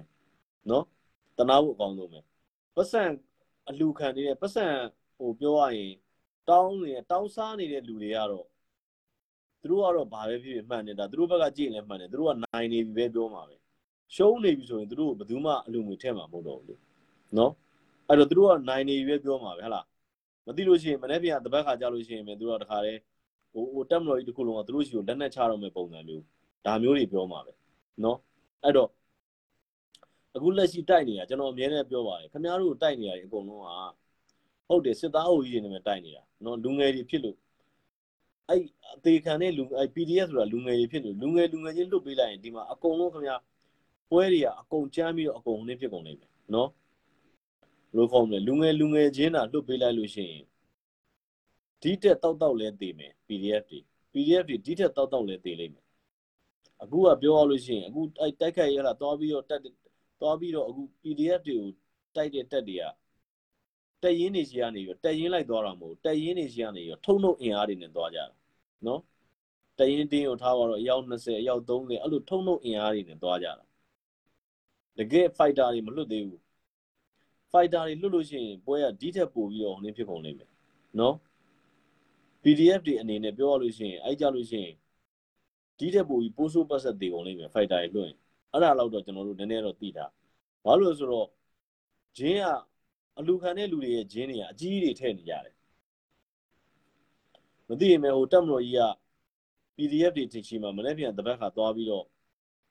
လက်နက်ချတော့မဲ့ပုံစံမျိုးပေါ့နော်အဲ့လိုမျိုးပြောနေကြတယ်အဲ့လိုအဲ့လောက်တာတက်ကအင်အားနည်းနေလို့ရှိရင်အရင်ဆုံးကျွန်တော်တို့မြန်မာပြည်ကိုဝင်တိုက်မှာဘင်္ဂလားဒေ့ရှ်ပဲနော်ဘင်္ဂလားဒေ့ရှ်ပဲအဲ့ဒါကိုခေါင်းထဲထည့်တာကျွန်တော်ပြောပြတယ်တစ်တက်ကကျွန်တော်ပြောရမယ်တက်ကအဲ့လောက်ထိဟိုဘယ်လိုခေါ်မလဲဒီအလူခံစားနေတဲ့ကောင်တွေပြောသလောက်ပြောသလောက်မဟုတ်ပါဘူးဒီကောင်တွေတွေးတာပြောရရင်ဗျာဒီကောင်တွေအနေနဲ့ကစစ်တပ်နဲ့လည်းရင်းနှီးမှုမရှိဘူးဘယ်တော့မှလည်းမရှိဘူးနောက်တစ်ခုကဘာဖြစ်လဲဆိုတော့ ဝါရပြန့်ကြီးလှုပ်တဲ့နေရာမှာဒီကောင်တွေဝါရပြန့်ကြီးလှုပ်တဲ့နေရာမှာဘလောက်ထိတပြေးပြေးအောက်တန်းကြလဲဆိုတော့သူတို့ရှိမှယူနီဖောင်းဆိုတာဘယ်ရက်ဘယ်လိုယူနီဖောင်းပွဲရတယ်ဆိုရက်ဟာလည်းမသိဘူးနောက်တစ်ခုကရှေ့တန်းသွားတဲ့ရဲဘော်တယောက်ကမှတ်ပုံကြီးယူသွားပါမလားဗျာနောက်ဆုံးပြောပြတာနော်ရှေ့တန်းသွားတဲ့ရဲဘော်တွေအရာရှိတွေကမှတ်ပုံကြီးယူသွားပါမလားကျွန်တော်ပြောပြဆိုအဲ့လောက်အထိကိုဝါရဖြန့်တာတော့မှပဲတည်တည်ချာချာလေ့လာပြီးဝါရမဖြန့်ကြဘူးဘယ်လိုသွားလို့စဉ်းစားကြည့်နော်ဆိုအဲ့တော့ ဟိုပြောရရင်အဲ့ဒီဟာတွေကိုယုံတဲ့ကောင်တွေကလည်းယုံကြပါဗျာကျွန်တော်တို့ကဒါမပြောပါဘူးယုံတဲ့ကောင်တွေကလည်းဒါအချမ်းဖက်အားပေးခြင်းလို့ယုံနေကြတာဟုတ်လားဟိုကတခုပြောရင်လည်းယုံတာပဲဟိုကတခုပြောရေးခင်းပြီးကသားလောက်ကသူဘာပြောလဲဟုတ်လားကာကြိုကြီးမင်းအောင်လိုင်းတို့ဟုတ်လားတရုတ်ပြည်ကိုပြေးပြီးလို့ပေါ့အဲ့ဒါကိုလည်းယုံတဲ့လူကယုံကြတာပဲဘယ်လိုပဲအဲ့တော့အလိန်ခံခြင်းတဲ့လူကမွေးကြရအောင်သူတို့ပေါ့သူတို့ဒီဟိုနေ့လေးနဲ့ဇာတာလေးကပါလာပြီးသား အဲ့တော့အလိန်ခံမဲ့လူတွေအလိန်ခံကြပေါ့ဟုတ်တယ်မလားအလိန်ခံကြပေါ့နောက်တစ်ခုကကျွန်တော်တို့ကတွက်ကြည့်တာကဘာလဲဆိုတော့ဒီထဲမှာအခုလက်ရှိပေါ့နော် PDF တို့ဘာလို့ထဲမှာတကယ်နှစ်နှစ်ကာကာဝင်သွားတဲ့သူတွေမရှိဘူးလို့မပြောပါဘူးရှိပါတယ်တချို့ကဘာဖြစ်လဲဆိုတော့ဟာလားဟိုတချို့ဟိုတက်မတော်ဟိုနင်းကနေပြီးတော့ဟာလားဒီကတက်မတော်လုံခြုံရေးတပ်ဖွဲ့တွေကနေပြီးတော့ တချို့ရေခင်းအတွင်းတော့နှိမ်နေတဲ့အခါမှာတချို့နေရာတွေမှာပြင်းပြင်းထန်ထန်နှိမ်နေရရတဲ့နေရာလေးတွေရှိတယ်အဲ့ဒီနေရာလေးတွေမှာထားပါတော့ဗျာဟာလားသူတို့ရဲ့ဟာလားရွှေမျိုးသားချင်းတွေတေကြတာတွေကြေကြတာတွေရှိရင်ရှိမယ်သူတို့ရဲ့ရွှေမျိုးသားချင်းတွေဟာလားဒုက္ခရောက်တာတွေရှိရင်ရှိမယ်သူတို့ကိုယ်တိုင်လည်းသူတို့ရဲ့မိသားစုကိုယ်တိုင်ဒုက္ခရောက်တာတွေရှိရင်ရှိမယ်အဲ့ဒီလိုခံစားမှုတဲ့လူတွေကတော့ဟိုကြောက်ပြီးတော့ထွက်ပြေးနေ PDF ဖြစ်သွားတာတွေရှိမှာပေါ့နော်အဲ့လိုမျိုးလူလူအလူတဲ့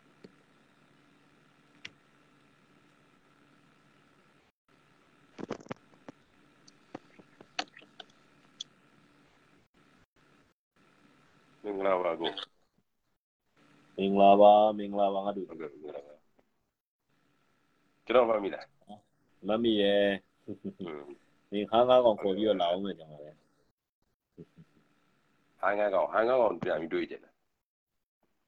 အဲ့တော့ကနေရမကောင်းဘူးပေါ့နော်အခုတော့နေပြောတော့မကောင်းဘူးဂေါ်မင်းနဲ့မပြောဖြစ်တာကြာလို့ပြီးတော့လည်းကျွန်တော်လည်းသိကျင်တဲ့အရာလေးရှိနေတယ်အတွက်ကြောင့်မေးကျင်တာ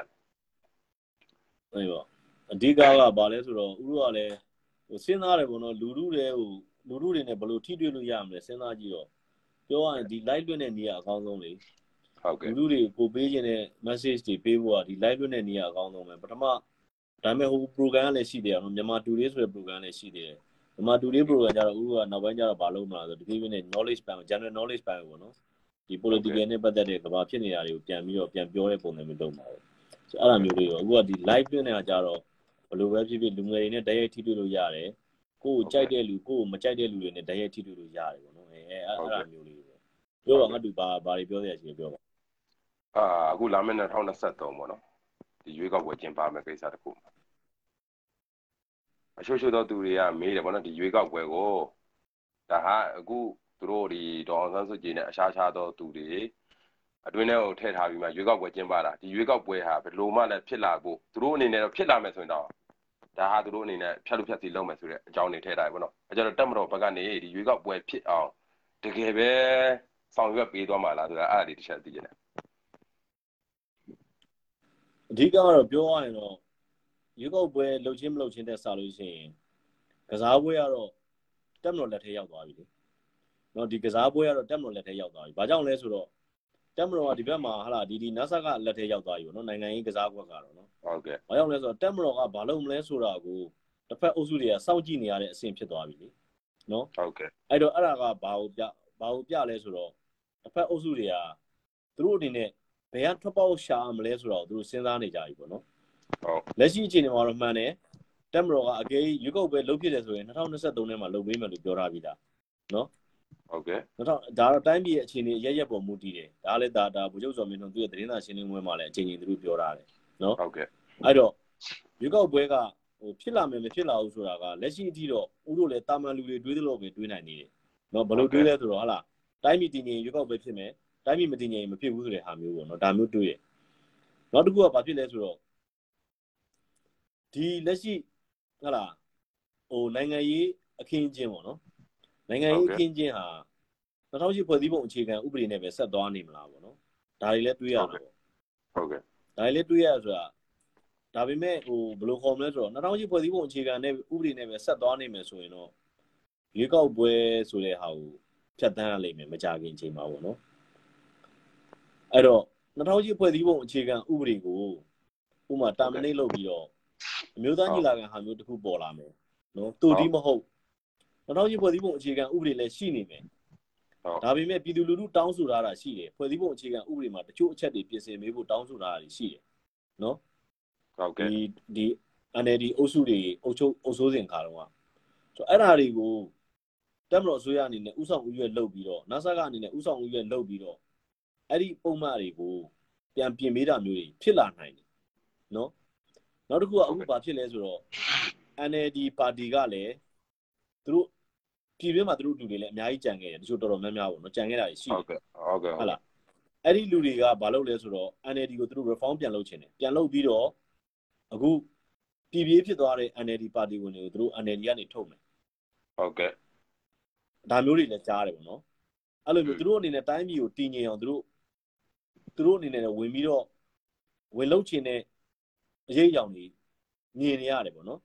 အဲ့တော့ဟုတ်ကဲ့အကယ်ကြီးအဲ့လိုပေါ့နှစ်ပိုင်းရှိတာပေါ့ လက်ရှိ NASA ကဟုတ်ကဲ့အစိုးရဟာနိုင်ငံတော်အိမ်ဆောင်အစိုးရဟာဟုတ်ပြည်ကဲ့တွင်းကိုဦးစားပေးမယ်ဟုတ်လားဟုတ်ပြည်ပြေးတွေဖြစ်သွားတဲ့လူတွေကိုဟိုလှည့်မကြည့်တော့ဘူးဆိုလို့ရှိရင်တော့ပြည်တွင်းနိုင်ငံရေးကိုသူအဓိကတည်ငြိမ်အောင်တည်ဆောက်မှာပေါ့။အာဒါမှမဟုတ်ဘူးထားပါတော့မြို့သားပြန်လဲဟလာတင့်မြတ်ရေးအတွက်ရှိတယ်ဟုတ်လားပြည်အာပြည်ပြေးနေတဲ့ကောင်တွေအကုန်လုံးလဲတဦးချင်းနေနဲ့နော်ဟိုအလင်းဝင်မယ်ဆိုဝင်လို့ရတယ်ဆိုတဲ့ပုံစံမျိုးဆိုရင်ဒါပုံစံတစ်မျိုးပေါ့။ အဲ့တဲမှာတည်ရအောင်နေပြရတာပါလဲဆိုတော့ဦးတို့တည်တဲ့လောက်တော့ဇင်မအောင်တို့ဇော်ဝေဆိုးတို့နိုင်ငံသားကနေမပြည့်ပြတ်သေးဘူးထင်တယ်နော်ဆိုဝေဆိုဇိုဝေဒီဇိုဝေဆိုကတော့ဇိုဝေဆိုကမပဲဖျက်သေးပါဘူးဒီဟွာတို့မျိုးရင်အောင်သိန်းတို့မင်းကုန်နိုင်တို့ကပဲဖျက်ပြီးမလားမျိုးရင်အောင်သိန်းတို့ပန်ဆယ်လူတို့တော့ပါသွားပြီပေါ့နော်อืมဇိုဝေဆိုကမဖျက်သေးဘူးဆိုတော့အဲ့အဲ့လိုမျိုးပေါ့ဟုတ်ကဲ့နော်ဝေဆိုးမပါသေးဘူး ဆိုတော့အဲ့တော့ဒီဘက်ကနိုင်ငံတော်အစိုးရအစိုးရအနေနဲ့ကသူ့အနေနဲ့အလားအားလုံးပါဝင်တဲ့နိုင်ငံရေးအခင်းချင်းတစ်ခုကိုပြန်သွားခြင်းတယ်ဆိုရင်တော့ဟိုဘက်ကလူတွေကိုတဦးချင်းပြန်ဝင်တော့သူလက်ခံတယ်ဟိုဘက်ကလူတွေကိုသူတို့ဘလို့ပြန်ဘယ်အပေါက်ဖွင့်ပေးမလဲဆိုတာပဲထောင်ဆောင်ကြည့်နေတယ်အဲ့ဒါနိုင်ငံရေးရဲ့ဗဟိုချက်ဖြစ်သွားပြီနော်ဟုတ်ကဲ့မဟုတ်ဘူးဒါမှမဟုတ်မဟုတ်အပြက်ပဲတိုက်တော့မယ်ဟဟလားလုံးဝပြန်လာတဲ့လက်မခံတော့ဘူးဆိုရင်တော့ဒါရှင်းတယ်ပြည်တွင်းနိုင်ငံရေးမှာရှိတဲ့လူနဲ့ဆက်သွားမယ်ဆိုတဲ့သဘောမျိုးပေါ့နော်တစ်ဖက်မှာလည်း NLD ကြားမှာလည်းသူတို့ ဟုတ်လားပြပရောက်နေတဲ့ NLD နဲ့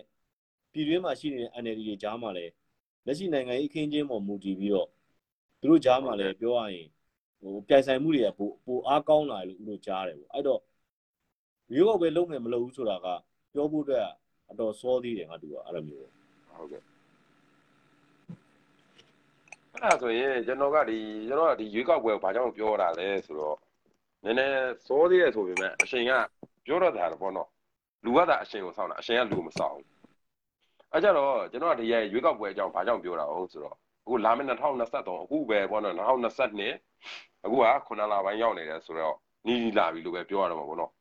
အဲ့ဒီအတွက်ကြောင့်ကျွန်တော်ကဒါကိုမေးရတာဘာကြောင့်လဲဆိုတော့ဒါဥပဒေရှေ့ကဥပဒေအရဆိုရင်ပွဲလဲပြောရင်တက်မတော်အာနာထိမ့်ပိုင်ခွင့်တစ်နှစ်တစ်နှစ်ကနေလက်နက်ကင်တောင်းညမ်းလာလို့ချင်း6လ6လတရနှစ်ကြိမ်တိုးပိုင်ခွင့်ရှိတယ်သူတို့မှဒါတက်မတော်ကကင်တွယ်ခွင့်အိမ်တော်အစိုးရကိုပြောင်းလဲပိုင်ခွင့်နှစ်နှစ်ပဲရှိတယ်ဆိုတော့နှစ်နှစ်မှကျော်လာရင်သူကဒီဟိုဟာ2008ရှေ့ဦးကိုဖျက်အာနာသိမ်းပြီးတော့အုပ်ချုပ်ဒါစစ်အာဏာရှင်ပေါ့နော်သူတို့ပြောတဲ့ဒီစစ်အာဏာရှင်အောက်ကိုသွားမယ်ပေါ့နော်ဒီလိုမျိုးနာဆာကစကားစကားစားနဲ့ကျွန်တော်အုပ်ချုပ်မယ်ပေါ့နော်ဒါစစ်ကောင်စီအုပ်ချုပ်သွားလိမ့်မယ် ဘာလို့ဆိုတော့ကရွေးကောက်ပွဲမကျင်းပဘဲဒီနှစ်နှစ်ဒါဖွဲ့စည်းပုံအရာဆိုရင်တော့နှစ်နှစ်မှာဆိုရင်ဘာလို့ပဲဖြစ်ဖြစ်နှစ်နှစ်ကျော်သွားပြီဆိုရင်တော့ဒါဒီစဲဥပဒေပြတ်သွားမယ်လို့ကျွန်တော်သိလို့မေးကြည့်ရပါ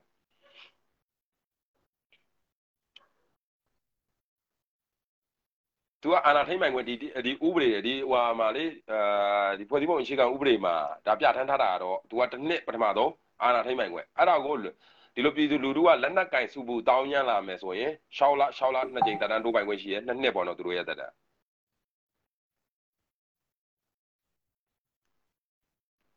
ဒါကြောင့်လေကျွန်တော်ဒီရွေးကောက်ပွဲတစ်ချက်မေးကြပါဦးလေအတန်နေထက်နေတယ်ငါတူကတိတ်မရှင်းဘူးငါတူနေရအတန်နေထက်နေဟယ်လိုရှင်းလားအတန်နေထက်နေတယ်ငါတူမင်းအဲ့ကအတန်ပြန်တဲ့ဟာတခုကိုဖိတ်ထားလိုက်အတန်တခုကပြန်နေတယ်ငကြက်ဖြုတ်ကြည့်လိုက်ရလားအဲရရရဟုတ်တယ် ရရလားရရရဟုတ်တယ်ကြားတယ်ကြားတယ်ငါတို့ကြားတယ်ကျွန်တော်ဘက်ကမရတော့ငကြက်မပါဟယ်လိုရလားအဲရရကြားတယ်ဟုတ်တယ်ငါတို့ဟုတ်ကဲ့ဟုတ်ကဲ့ခုနမစစ်ဝင်လာလို့လားဟိုကကျွန်တော်ကခုနဒီရွေးကောက်ပွဲကနည်းနည်းတော့ဟိုမေးဖို့တာစောသေးတယ်ဆိုပေမဲ့တကယ်တမ်းကျတော့လူကသာအရှင်ကိုစောင့်တာအရှင်ကလူမစောင့်လေအရှင်ကသူ့ယာတီနဲ့သူလဲပတ်နေတယ် အဲကြတော့ကျွန်တော်ဒီရွေးကောက်ပွဲကိုကျွန်တော်လည်းဒီဘက်မှာနိုင်ငံရေးပြောတဲ့အချိန်မှာဒီဘက် TikTok ဘက်မှာကျွန်တော်နိုင်ငံရေးပြောတဲ့အချိန်မှာဒါကိုဒီ UNG ထောက်ခံတဲ့လူတော်တော်များစုရယ် NLD ကိုထောက်ခံတဲ့လူများတော်တော်များစုရယ်ပြောတယ်ပေါ့နော်ဒီရွေးကောက်ပွဲဟာအဲ NLD မပါလို့ပေါ့နော်ဖြစ်လာဖို့ဆိုတာလည်းမရှိဘူးပေါ့နော်ဘာကြောင့်လဲဆိုတော့ဖြစ်လာမယ်ဆိုရင်လည်းသူတို့အနေနဲ့ဒါကိုအကြမ်းဖက် သွားမယ်ဆိုတဲ့အကြောင်းသူတို့အနေနဲ့ဒီရွေးကောက်ပွဲကိုပြက်လို့ဖြက်စီပေါ့နော်ဒီလိုမျိုးလုပ်မယ်ပေါ့မင်းသားကြီးမလုပ်ရလို့ပမိုက်တားနဲ့ထိုးဖောက်မယ်ဆိုတဲ့အလုပ်မျိုးတွေလုပ်မယ်ပေါ့နော်သူတို့အနေနဲ့ပြောလာတယ်စကားတွေအရာပေါ့နော်ကျွန်တော်ကတော့အဲ့ဒါမျိုးသွားလုပ်လို့ရှိရင်အခုအခုလူတော်တော်များလက်မခံတဲ့စစ်အာဏာနဲ့အုပ်ချုပ်တာကိုအောက်ကိုရောက်တော့မယ်ဆိုတာကျွန်တော်သိထားတယ်ဘာကြောင့်လဲဆိုတော့ဒါဖွဲ့စည်းပုံအခြေခံရဆိုရင်တကယ်တော့မြန်မာနိုင်ငံမှာအရေးပေါ်ကြီးညာပြီးလို့ရှိရင်တစ်နှစ်အာဏာထိမ့်ပိုင်ခွင့်ရှိတယ်တစ်နှစ်အာဏာထိမ့်ပြီးလို့လက်နက်ကပြည်သူလူထုကလက်နက်ကင်တောင်းညမ်းလာပြီဆိုရင် အရေးပေါ်အချိန်ကာလကိုခေါ်ဆိုပြီးတော့6လ6လတာရနှစ်ကြိမ်တိုးပြီးတော့နှစ်နှစ်အာဟိုအာဏာထိမ့်ပိုင်ခွင့်ကျနှစ်နှစ်ပြီးလို့ရှိရင်သူတို့အနေနဲ့ဆက်ပြီးအုပ်ချုပ်မယ်ဆိုရင်တော့ဖွဲ့စည်းပုံကိုဖျက်အပြစစကားစားကနေအုပ်ချုပ်မှသာလင်ရမယ်လို့ကျွန်တော်သိထားလို့အဲကြောင့်မလို့ဒီနှစ်နှစ်ကျော်သွားရင်တော့သူတို့ကဖွဲ့စည်းပုံကိုဖျက်တော့မှာလားတကယ်ပဲရွေးကောက်ပွဲကျင်းပပြီးမှလားကျွန်တော်သိချင်တာအဲ့ဒါလေးမဟုတ်ဘူးအဲ့ဒါဆိုရင်ငါတူနည်းနည်းအောင်နေဖြစ်တာနည်းနည်းတိတာနည်းနည်းတခုလိုနေတယ်ဘာကြောင့်လဲဆိုတော့အဓိကအဖြစ်ကဖွဲ့စည်းပုံအခြေခံဥပဒေအရဆိုရင်မှန်တယ် 6လတစ်နှစ်တစ်ကြိမ်ပြီးရင်6လ2ကြိမ်ပေါ့နော်နှစ်နှစ်တက်တန်းဟုတ်တိုးကဲ့လို့ဟုတ်ရကဲ့တယ်ဟုတ်ကဲ့နည်းနည်းဟုတ်တယ်နော်အဲဒါမျိုးရှိတယ်ဒါပေမဲ့နောက်တစ်ခုကကာလုံကနေပြီးတော့ဆက်ပြီးတော့တက်တန်းတိုးခိုင်းလို့ရသေးတယ်နော်ဆိုတော့ကာလုံကာလုံထွက်ပေါက်တစ်ခုရှိတယ်ကာလုံရဲ့လုံးပိုင်ခွင့်တစ်ခုရှိသေးတယ်ဟုတ်ကဲ့အဲ့တော့အခုထားပါတော့လာမယ့်ဟိုနေ့မှာလာမယ့်တစ်လပိုင်းပေါ့နော်လာမယ့်တစ်လပိုင်းမှာဟုတ်ကဲ့တစ်နှစ်ပြည့်သွားပြီထားလိုက်ပါတော့ဟုတ်ကဲ့ ဟုတ်ကဲ့နှစ်နှစ်ပြည့်သွားပြီဆိုလို့ရှိရင်ဟလာဒီလက်ရှိနိုင်ငံတော်အိမ်ဆောင်အစိုးရအနေနဲ့ဟုတ်ကဲ့နည်းဖြစ်သွားပြီပေါ့နော်ဒီဟိုပြောရရင် constitution နဲ့ right ကကုန်သွားပြီပေါ့နော်ဖွဲ့စည်းပုံအခြေခံဥပဒေကပေးရထားတဲ့အခွင့်အာဏာကကုန်သွားပြီပေါ့ဒါကဒါပေမဲ့တစ်ဖက်မှာကကာလုံဆိုတာရှိသေးတယ်ဟုတ်ကဲ့ကာလုံအနေနဲ့ကာလုံခေါ်လိုက်မယ်ကာလုံကနေပြီးတော့တိုင်းပြည်အတွက်လိုအပ်ချက်အရာဟုတ်လားဟုတ်ကဲ့ဒီဟုတ်လားဒီလက်ရှိအစိုးရအနေနဲ့ ဆက်လက်ချုပ်ကန်ရမယ်အဲ့ဒါလည်းဟလာထားပါတော့နောက်နှစ်နှစ်ဆက်လက်ချုပ်ကန်ရမယ်ဆိုလို့ရှိရင်ဒါကာလုံရဲ့ဆုံးဖြတ်ချက်ပေါ့နော်ဒါမျိုးကဒါဒါနောက်နောက်တနည်းနဲ့ဟိုတနည်းရှိသေးတယ်ပေါ့နော်နောက်တစ်ခုကဘာဖြစ်လဲဆိုတော့ဟုတ်ပြီဒီကြားထဲမှာထားပါတော့ရွေးကောက်ပွဲကျင်းပလိုက်မယ်ရွေးကောက်ပွဲကျင်းပတယ်ဆိုတဲ့နေရာမှာတစ်ခုရှိတာကလုံခြုံရေးအခြေအနေလက်ရှိလုံခြုံရေးအခြေအနေအရကရွေးကောက်ပွဲကျင်းပတဲ့အချိန်မှာရွေးကောက်ပွဲ candidate တွေကျင်ညာပြီးတဲ့အချိန်မှာအဲ့ဒီ candidate တွေကိုလိုက်တက်ရင်ဘယ်လိုလုပ်မလဲဆိုတဲ့မေးခွန်းလေးတစ်ခုမေးလို့ရတာပေါ့နော်ဟုတ် အဲ့ဒါကဲ့မျိုးလည်းမေးလို့ရတော့အဲ့တော့ဘယ်လိုလုပ်မလဲဆိုတော့ဥထင်တာကတော့ရွေးကောက်ပွဲကိုပုံစံတစ်မျိုးနဲ့လုပ်မယ်ထားပါတော့ online ကလည်းဖြစ်ဖြစ်တခုပေါ့ထားပါတော့ဒါမှမဟုတ်လို့ရှိရင်လည်းဟိုဒီဟိုနေနဲ့ဟလာဟုတ်ကဲ့တက်မတော်ကာဝေးဦးစီးချုပ်ရဲ့သို့မဟုတ်ကျန်တဲ့ဟလာကိုပါတီတွေရဲ့ကိုပေါ့ကိုပါတီတိုင်းကကိုယ်စားလှယ်ရွေးရွေးပြီးတော့ဒီကိုယ်စားလှယ်တွေပါတာဒီကိုယ်စားလှယ်တွေရဲ့နောက်ပြီးတော့အလုံသမားတောင်လယ်သမားကိုယ်စားလှယ်တွေရဲ့ နောက်ပြီးတော့ဝန်ထမ်းကိုယ်စားလှယ်တွေနဲ့ပြန်ပြီးတော့အမျိုးသားညီလာခံပုံစံတစ်မျိုးခေါ်ပြီးတော့ခုနတစ်ချိန်လုံးကပြည်သူတွေတောင်းဆိုခဲ့တဲ့2008ဖွဲ့စည်းပုံအခြေခံဥပဒေမှာပါတဲ့ပြည်သူတွေပြင်မှုတောင်းဆိုခဲ့တဲ့ဟာတွေကိုပြန်ပြီးတော့ဟိုဘယ်လိုခေါ်မလဲပြန်ဟိုပြန်သုံးသပ်ပြီးတော့ပြန်ပြင်ဆင်တဲ့ဟာမျိုးလဲလုံလာဖြစ်လာနိုင်တယ်အဲ့လိုလုံနေတဲ့တစ်ချိန်တည်းမှာပဲဒီဘက်ကတက်မတော်ကနေပြီးတော့ပြည်တွင်းငင်းငင်းရအောင်လုပ်ဒါမျိုးတွေဖြစ်လာတယ်နောက်တစ်ခုကပါဦးတိုင်းသားကိုယ်စားလှယ်တွေဆိုလို့ရှိရင်လည်း တိုင်းသားကောင်းဆောင်တွေဆိုလို့ရှိရင်လည်းတော်တော်များများကဒီငင်းငင်းရေးမှာသူတို့တောင်းဆိုတာတွေကဥလို့ကြားတာကဖွဲ့စည်းပုံအခြေခံဥပဒေပြင်ဆင်ရေးအတွက်ကို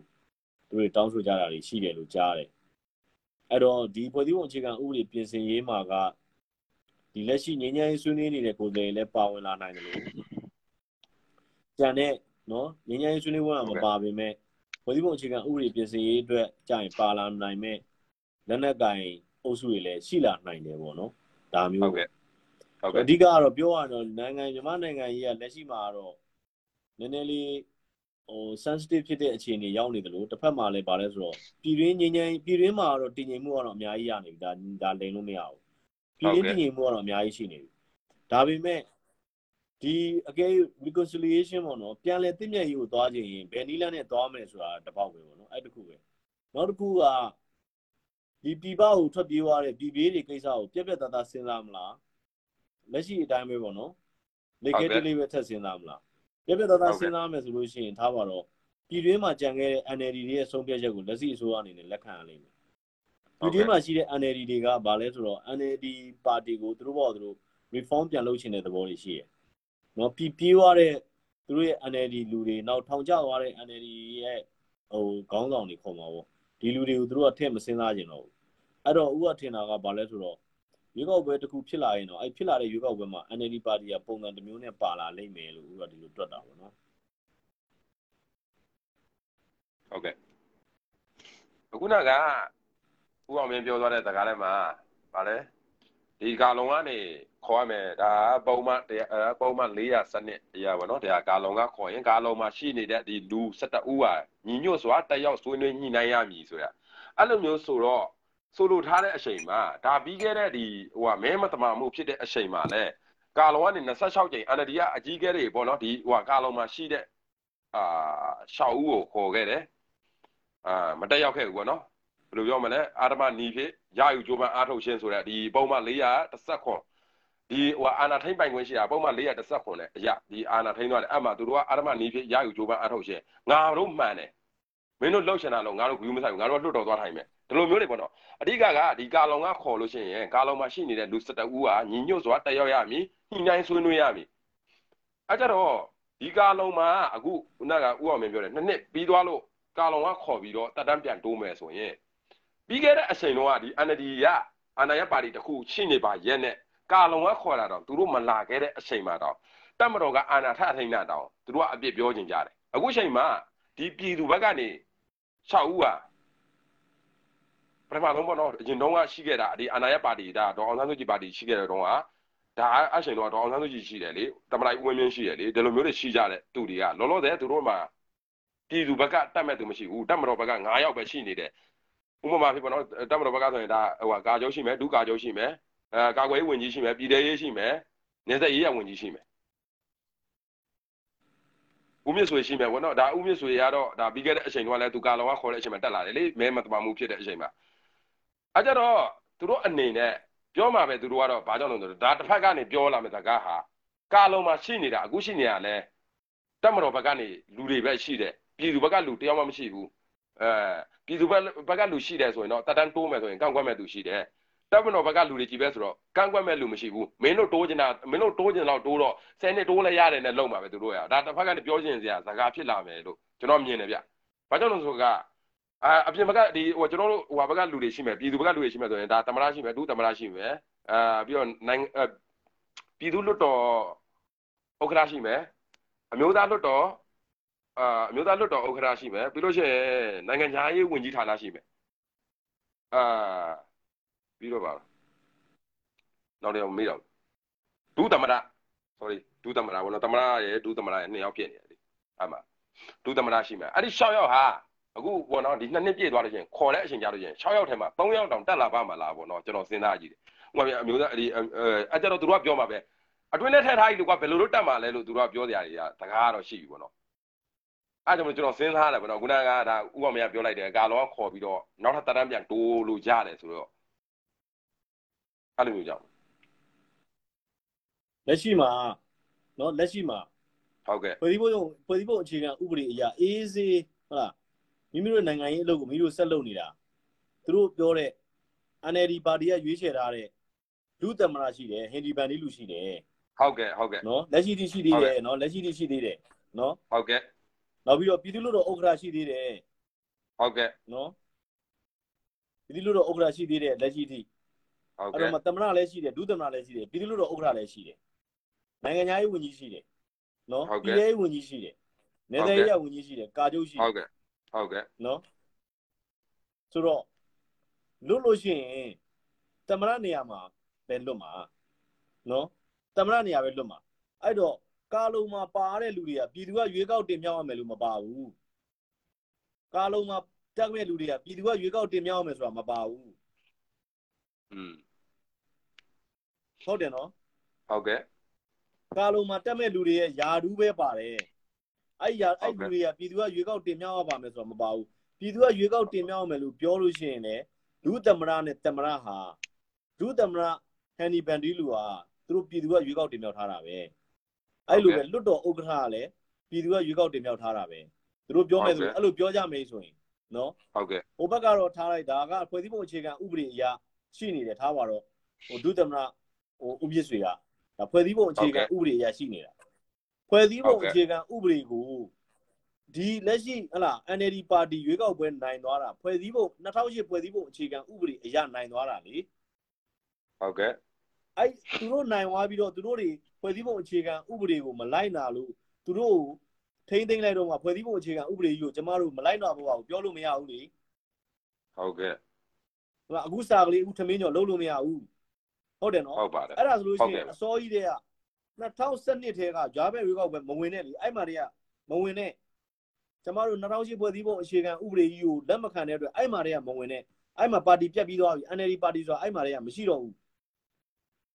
နော်ဟုတ်ကဲ့ဟုတ်ကဲ့2017မှာဒေါအောင်ဆန်းစုကြည်လွတ်လာတယ်2012ရွေးကောက်ပွဲဂျာပြက်ရွေးကောက်ပွဲအတွက်ကိုဒေါအောင်ဆန်းစုကြည်ပြန်ပြီးတော့ပါတီကိုအသစ်မှတ်ပုံတင်တယ်ဟုတ်ကဲ့နော်အဲ့အသစ်မှတ်ပုံတင်တဲ့အခါမှာဘာလုပ်လဲ 2008ဖွဲ့စည်းပုံအခြေခံဥပဒေမှာပါတဲ့အချက်တွေအားလုံးကိုသိရှိလိုက်နာပါမယ်သိရှိပါတယ်သိရှိပြီးသွားပြီဒီထဲမှာပါတဲ့အချက်တွေအားလုံးကိုသူတို့တွေဟုတ်ကဲ့အဲ့ဒါကလူတိုင်းလူတိုင်းလက်မှတ်ထိုးရတယ်ဒီခုနင်းလုံးမဲ့တွေဒါနိုင်ငံတိုင်းမှာဒီလိုပဲဟုတ်ကဲ့2008ပါဖွဲ့စည်းပုံအခြေခံဥပဒေမှာပြဋ္ဌာန်းထားတဲ့ဥပဒေတွေအားလုံးကိုလိုက်နာပါတယ်မဟုတ်ဘူးနော်ဟုတ်သိရှိလိုက်နာပါတယ်ဟုတ်သိကဲ့ရှိလိုက်နာပါမည် ဟုတ်ကဲ့အဲ့ဒါလက်မှတ်ထိုးရတယ်အဲ့ဒါလက်မှတ်ထိုးထားတာအဲ့ NLD ပါတီမှာအခုလက်ရှိထွက်ပြေးနေတဲ့ကောင်တွေအကုန်လုံးအဲ့ဒါလက်မှတ်ထိုးထားတာဆိုအဲ့တော့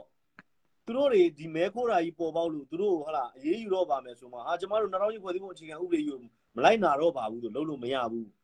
ဟုတ်ကဲ့အဲ့ဒါကြောင့်မလို့ပြောရလို့ရှိရင်လက်ရှိ NASA ကအစိုးရဟာ2000ဖွဲ့စည်းပုံအခြေခံဥပဒေနဲ့တွေ့ဖယ်ပြီးဘာမှလုပ်မှာမဟုတ်ဘူး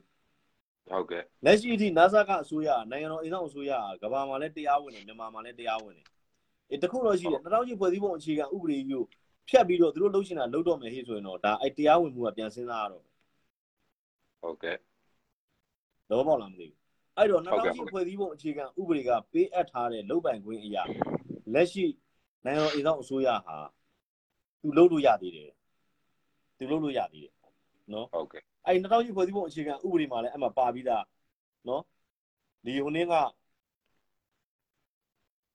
ကာလုံကနေလွှဲရပြီးလို့ရှိရင်လွှဲကလွှဲခံရတဲ့ဟိုနေ့ကဟာလာခေါင်းဆောင်ကသူ့ရဲ့နိုင်ငံတော်ကိုသူ့အနေနဲ့ဘယ်လိုခေါ်မလဲကောင်းမယ်ထင်တာအကုန်စီစဉ်လို့ရတယ်လို့ပြောတယ်ပြောထားရတာပဲပေါ့ဗျာပြောရတယ်သဘောပေါက်လားဟုတ်ကဲ့ဟုတ်ကဲ့ဟုတ်ကဲ့ဟုတ်ကဲ့ဘောပါတယ်ဟုတ်ကဲ့အဲအဲ့တော့အဲ့တော့သူ့အနေနဲ့ကဘယ်လိုပဲဖြစ်ဖြစ်ပြောရရင်2000ဖွဲ့စည်းပုံအခြေခံဥပဒေကိုမဆန့်ကျင်ပဲပေါ့နော်ဟုတ်ကဲ့ 2000ဖွဲ့စည်းပုံအခြေခံဥပဒေကိုမဆန့်ကျင်ပဲသူ့ရဲ့လုပ်ပိုင်ခွင့်တွေကသူလုပ်ချင်တာအကုန်လုပ်လို့ရတယ်အဲ့ဒါဟုတ်မျိုးကဲ့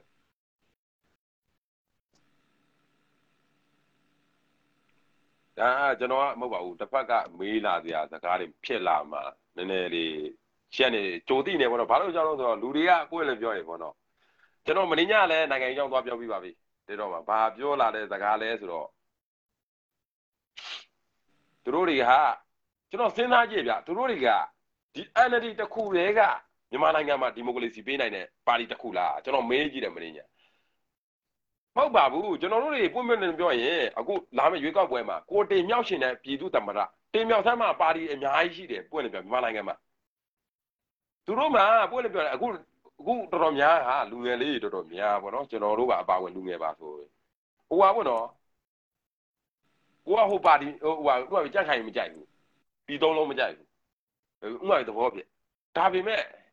လူတော်တော်များဟာကျွန်တော်ဟိုတင်နဲ့ကရင်လူမျိုးတယောက်နဲ့ကျွန်တော်စကားပြောတယ်ဗျတစ်တော့မှာတစ်တော့လိုက်မှာစကားပြောတော့ဘာပြောလို့ဆိုတော့အခုလို့အခုကျွန်တော်သူကနိုင်ငံရေးဆွေးနွေးကြလို့တဲ့ကျွန်တော်လည်းဟုတ်ပြီလို့အခုလို့ကျွန်တော်အခုတခုမေးမယ်လို့အခုဘယ်တိုင်းသားလဲလို့အခုတန်နည်းနည်းဝဲလို့လို့ကျွန်တော်မေးကြတော့ကရင်နဲ့အော်ဟုတ်ကဲလို့အခုမဲထဲတော့တော့ကဘယ်ပါတီကိုထည့်အောင်ဆို NLD လို့ဆိုတော့အော်ဟုတ်ကဲလို့အခုတို့ကရင်မှာပါတီမရှိဘူးလားဆိုတော့မရှိဘူးတဲ့ဆိုတော့ ကျွန်တော်နိုင်ငံရေးအခုနဲ့ဆွေးနွေးတဲ့အကြောင်းမရှိတော့ဘူးကရင်အမျိုးသားရေးပါတီကဘယ်သွားထားမှာချို့ချို့သောအရာတွေဟာပွင့်လို့ပြောရင်အမေကျော်ပြီးကြီးတော်လုံးညင်ကြတယ်ပွင့်လို့ပြောရင်ကျွန်တော်ဖြစ်စေချင်တာကကျွန်တော်တို့ညို့နယ်လိုက်လွတ်တော်အမတ်တွေရှိပြီသားကိုမြို့နယ်ကဘယ်သူတက်လဲကိုမြို့နယ်တိုးတက်အောင်ဘယ်သူလုပ်ပေးနိုင်လဲအဲ့လိုရွေးကောက်တင်မြောက်ပါကျွန်တော်ဖြစ်စေချင်တာပွင့်လို့ပြောရင်သူတို့ကအမေတခါလာတဲ့အမေပွင့်လို့ပြောရင်ကျွန်တော်ကပွင့်လို့ပြောကျွန်တော်တော့အောင်ဆန်းစုကြုံမကြိုက်လို့ကျွန်တော်အဲ့လိုမျိုးပြောရမှာဘူး သူတို့အမေဘာလို့လို့အကုန်မှန်တယ်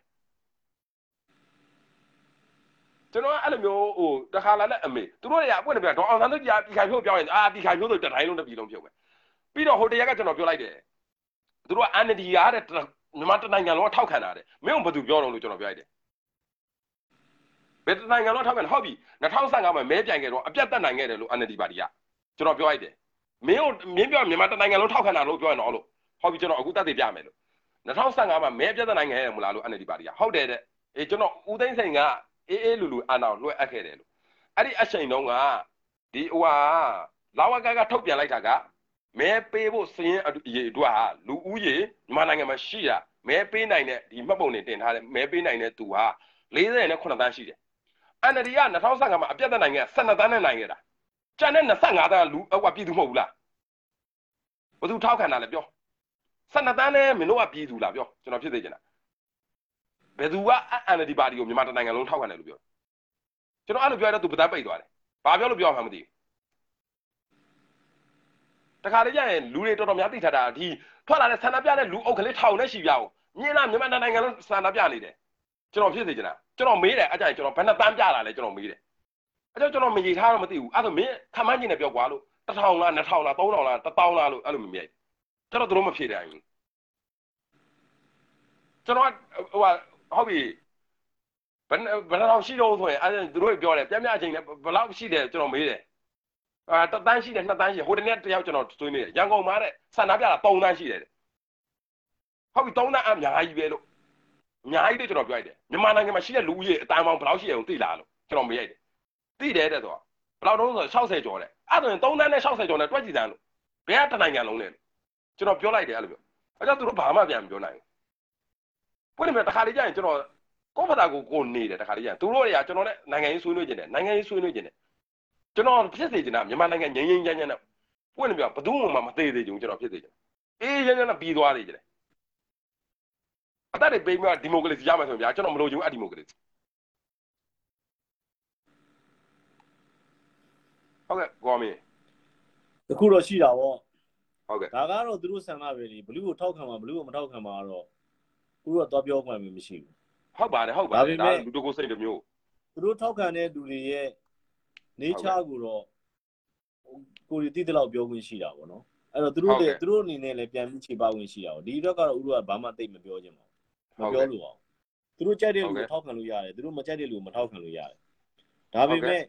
ကိုကိုယ်တိုင်လက်ခံထားပါတယ်ဆိုတဲ့စနစ်ကြီးကိုတော့ဖျက်ပစ်လို့တော့မရဘူးပေါ့နော် ဟုတ်ကဲ့အခုတော့ရှိတာဟုတ်တယ်မလားကိုကိုယ်တိုင်ကလက်ခံထားတဲ့သူတို့လက်ခံထားတဲ့စနစ်ပေါ့နော်ဒီဟာကြီးကပြောရရင်တော့ကြီးဖွဲ့စည်းပုံအခြေခံဥပဒေအတိုင်းသူတို့အနေနဲ့လိုက်နာပါမယ်တိရှိလိုက်နာပါမယ်လို့ပြောထားတဲ့ဟာကြီးကိုသူတို့ကိုယ်တိုင်သူတို့အာဏာမရတဲ့အချိန်ကြမှာသူတို့ကိုယ်တိုင်ဟုတ်လားမလိုက်နာတော့ပါဘူးဆိုတဲ့ဟာမျိုးကြီးကြတော့ဒါကတော့ဟိုတက်မတော်ကအာဏာထိန်းတာနဲတော့နဲသေးရဲ့လို့ပြောလို့ရတယ်နော်ဟုတ်။ဘာကဲ့ကြောင့်လဲဆိုတော့ဒီဟိုနင်းကတက်မတော်က ဒီဟိုနင်းနေဟလာဒီဒီ NLD တွေမဲခိုးထားတာကိုတက်မတော်ကထုတ်ပြတာကတခြားပြင်ပဟာတခုမှမပါဘူးဟုတ်။တကဲ့က်မတော်နဲ့သက်ဆိုင်တဲ့မဲဆန္ဒနယ်တွေမှာဟုတ်မဲခိုးထားတာ။စဉ်းစားကြည့်ဟုတ်ကဲ့။တက်မတော်နဲ့သက်ဆိုင်တဲ့မဲဆန္ဒနယ်တွေမှာဘယ်လိုမဲခိုးလဲဆိုတော့ထားပါတော့ဥမာမင်္ဂလာတုံလိုမဲဆန္ဒနယ်မျိုးသူတို့အားလုံးနိုင်တယ်ဆိုပြီးလုပ်တာလေဟုတ်ကဲ့။ဟုတ်တယ်မလား။ဟုတ်ကဲ့အဲ့တော့ ဒီလိုနေရာမျိုးတွေအများကြီးရှိတယ်ကြံတဲ့အလားအထားပါတော့မိတ်တီလာနေပါညာအများကြီးရှိတယ်ဟုတ်ကဲ့တက်မတော်မှာရှိတဲ့ဟိုနင်းကိုသူတို့အကုန်နိုင်တယ်ဆိုပြီးလောက်တာကြီးကိုဟုတ်ကဲ့အဲ့တော့တက်မတော်ကလည်းတိတာပေါ့တိတာဟုတ်ပေါ့ကဲ့ဆိုတာကဘာလဲဆိုတော့ဒါတွေအကုန်လုံးကိုပြန်တိုက်ကြည့်လိုက်ရင်တိတာပေါ့သူတို့ရှိမှဆက်လာဟိုပြောရရင်တိုင်ရင်တက်ဖွဲ့မှာဟလာဟိုဘယ်သူဘယ်နှယောက်ရှိတယ်ဘာညာဆိုတော့သူတို့တိတာပေါ့နောက်တစ်ခုကဘာလဲဆိုတော့မဲတွေကအရန်ပို့နေတယ်ဟုတ်အကဲ့များကြီးပို့နေတယ်ဖြစ်ရှင်တော့အဲ့တော့အဓိကကဘာလဲဆိုတော့ ဒီ NLD အုပ်စုတွေကလည်းအဓိကသူတို့ကအဲ့ဒါကြောင့်မလို့သူတို့ကပထမဘာကိုသိကျင်တာလဲဆိုတော့တက်ရင်တက်ဖွဲ့တွေမှာဒီတက်ရင်တက်ဖွဲ့တွေမှာတက်မတော့ဒါအင်အားဘယ်လောက်ရှိလဲဆိုတော့တင်သူတို့ကအဲ့ဒါကိုသိကျင်တာဟုတ်အဲ့ကဲ့ဒါကိုမသိတဲ့အခါကျတော့သူတို့ကမဲခိုးလိုက်တဲ့အခါကျအဲ့ဒါကိုမသိပဲသူတို့ကမဲတွေဆွတ်ထည့်လိုက်တဲ့အခါကျတချို့နေရာတွေမှာအရန်များကုန်တယ်တချို့နေရာတွေမှာအရန်နည်းကုန်တယ်ဟုတ်ကဲ့အဲ့ဒီမှာဟိုတခိုးကအဲ့မှာမိတာပဲအဲ့မှာတခိုးကစမိတာပဲအဲ့မှာဟုတ်ကဲ့ဆိုအဲ့ဒါမျိုးအဲ့တော့ဘာလို့လဲဆိုတော့ဒီဘက်က သူတို့အစောကြီးတွေကအဲ့ဒါကြောင့်ရွေးကောက်ပွဲမတိုင်ခင်ကတည်းကသူတို့ကအဲ့တက်မတော်တိုင်ရင်တက်ဖွဲ့တွေကိုဝင်တယ်ဟုတ်လားဝင်ပြီးတော့သူတို့တွေဝင်ဝင်လို့ရအောင်လုပ်တာပေါ့ဗျာဟုတ်လားသူတို့ကဒီတိုင်ရင်မှာဆိုလားလူဘယ်နှယောက်ရှိတယ်ဒါဟိုဟိုတက်ခွဲမှာဆိုလူဘယ်နှယောက်ရှိတယ်ဟိုတက်မမှာလူဘယ်နှယောက်ရှိတယ်သူတို့ကအဲ့ဒါတွေကိုလိုက်ပြီးလေ့လာထားတာ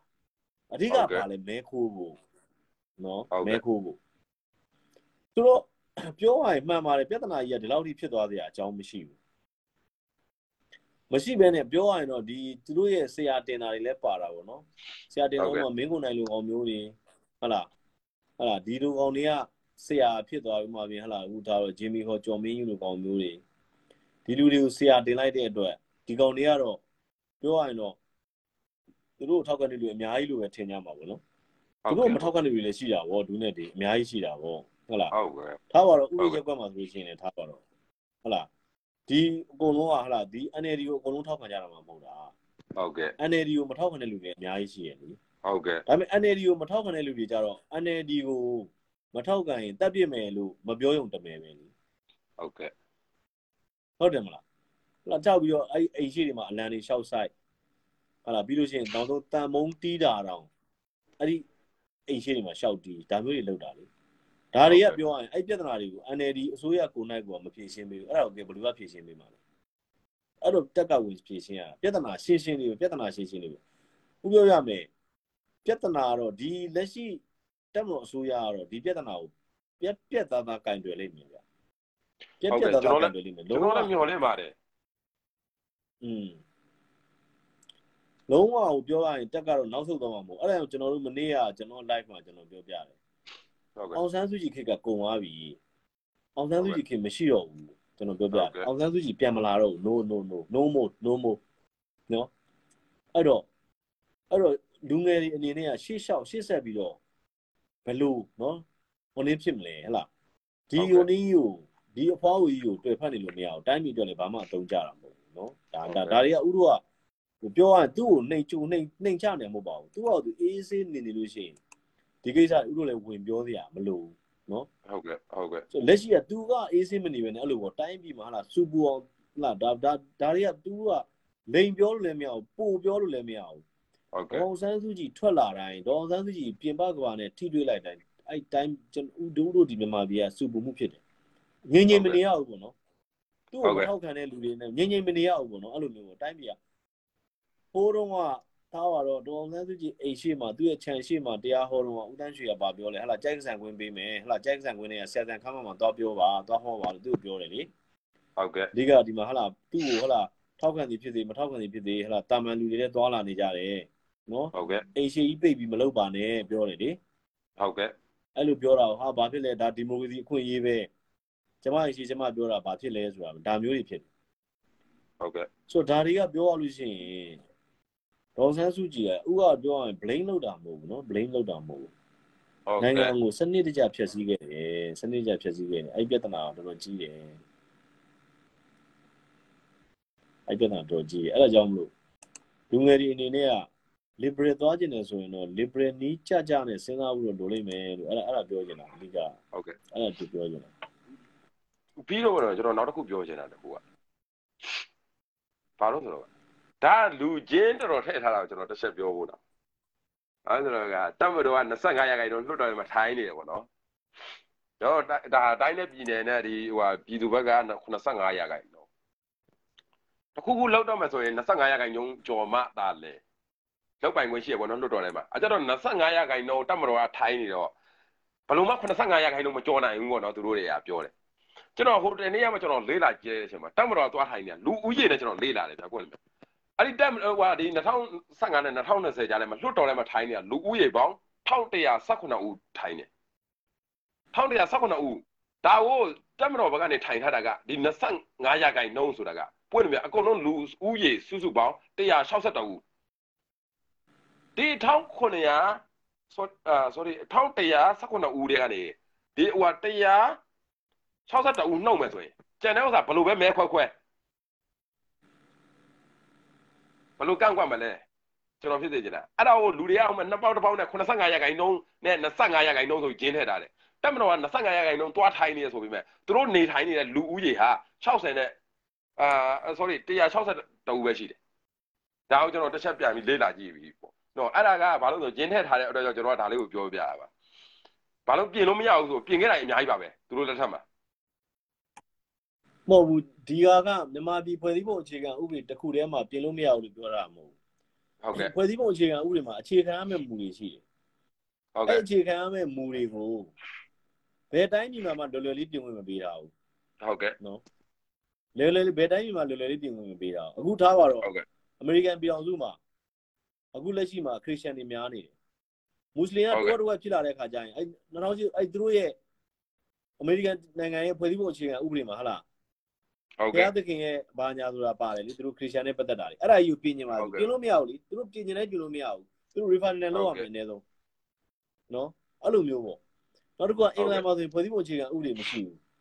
ဟုဖွဲ့တ်စည်းကဲ့ပုံအခြေခံဥပဒေမရှိပေမဲ့အင်္ဂလန်မှာဘီယင်မာကြီးကနေဓာတ်ရိုက်ခန့်အပ်ထားတဲ့လွှတ်တော်ကိုယ်စားလှယ်တွေရှိတယ်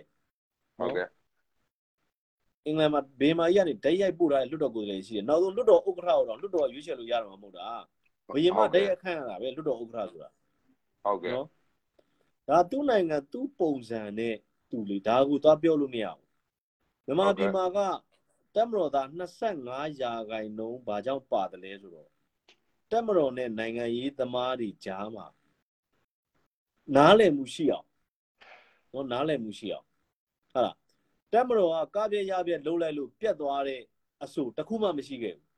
နော်နိုင်တိုင်းပြည်အတွက်အကျိုးပြုတဲ့အဆိုပေါ်ထားပါတော့ဟုတ်ကဲ့တိုင်းပြည်အတွက်အကျိုးပြုတဲ့အဆိုတစ်ခုကို NLD ကတင်တယ် အဲ့ဒါတက်မတော်ကဖျက်လို့ပြတ်သွားတာတစ်ခုမှမရှိဘူးတစ်ခုတော့ရှိတာပေါ့ဖွဲ့စည်းပုံအခြေခံဥပဒေကြီးကိုပြင်ဖို့အတွက်လွတ်တော်ထဲမှာအဆိုတင်မယ်မဲခွဲမယ်တော့လုပ်လို့မရဘူးလေဟုတ်အဲ့ကဲ့ဒါအဲ့ဒါတော့လုပ်လို့မရဘူးဟုတ်တကဲ့ယ်မလားအဲ့ဒါဆိုရင်တော့ဖွဲ့စည်းပုံအခြေခံဥပဒေကြီးတစ်ခုလုံးကိုကြောရိုးတွေပါပြင်မယ်ဆိုရင်တော့အဲ့ဒါတိုင်းပြည်လုံး referendum လုပ်ရမယ်လေဟုတ်ကဲ့အဲ့ဒါလုပ်ပြီးတော့မှနောက်အများကြီးရှိတယ်အမှ process တွေအများကြီးအဓိကဘာလဲဆိုတော့ဖွဲ့စည်းပုံအခြေခံဥပဒေတွေမှာပါတဲ့အချက်တွေကိုမဟုတ်ဘူးဖွဲ့စည်းပုံအခြေခံကြီးဥပဒေကြီးကိုထားပါတော့ဟလား မြန်မာနိုင်ငံဒီဟလားဗုဒ္ဓဘာသာဟလားဂုဏ်တူတွေနာတည်တဲ့ထူးတဲ့ဗုဒ္ဓဘာသာနိုင်ငံဖြစ်တယ်ပါညာဗုဒ္ဓဘာသာနိုင်ငံတော့မဟုတ်ဘူးနော်ဗုဒ္ဓဘာသာအများစုကိုးကွယ်တဲ့နိုင်ငံဖြစ်တယ်လို့ဟလားတိုင်းသား135မျိုးရှိတယ်ပြည်နယ်9ခုတိုင်း9ခုရှိတယ်ဒီဟာတွေကိုပြင်ကျင်လို့တော့မရဘူးလေဒီဟာတွေကိုလွယ်လွယ်လေးပြင်ကျင်လို့တော့မရဘူးလေလွတ်တော်ထဲမှာဟုတ်ကဲ့ပြည်နယ်9ခုတိုင်း9ခုထားပါတော့ဟိုမှာဟလားရိုဟင်ဂျာပြည်နယ်ဆိုကြီးကောက်ထည့်ပြီးတော့ပြည်နယ်ရှိခုတိုင်း9ခုလုံးလို့မရဘူးလေဒါမျိုးပေါ့ဒါတွေကဟလားဒီလိုအချက်ဒီလိုအခြေခံရမယ့်အချက်ကြီးတွေအခြေခံရမယ့်မူကြီးတွေရှိတယ် အဲ့ဒါကြီးတွေကိုပြင်ကျင်တော့မှန်တယ်ခအောင်လုပ်ထားတယ်ဒါကတော့ညင်းလို့မရဘူးဒါတော့ညင်းဟုတ်ပါဒါပေမဲ့ကြံတဲ့တိုင်းပြည်ကောင်းသောအောင်လုပ်လို့ရတဲ့ပြင်တဲ့ဟာတွေအများကြီးရှိပါတယ်အဲ့ဒါတွေကိုတော့ပြင်ဝင်ပေးထားပါတယ်အဲ့လိုမျိုး Okay ငါတို့နောက် seminar ဆွေးနွေးပြီးလို့ရှိရင်ဦးတို့စကားဝိုင်းဒီမှာဟိုနေ့ပြင်ပါနော်တခြားဟုတ်ကဲ့ပါဟုတ်ကဲ့နောက်နေ့လည်းဆွေးနွေးအောင်လို့နော်ဟုတ်ကဲ့ပြီးတော့ဗောနော်ကျွန်တော်ကဒါကတော့နည်းနည်းဒီအပြင်ဘက်သတင်းလေးရတာဗောနော်အခု2020ဒီ ဒီပြဿနာလေးတစ်ခုပါဗောနော်အရေးခင်းလို့လည်းကျွန်တော်မပြောချင်ဘူးဗျဒီ2020ဘာမှမဟုတ်တဲ့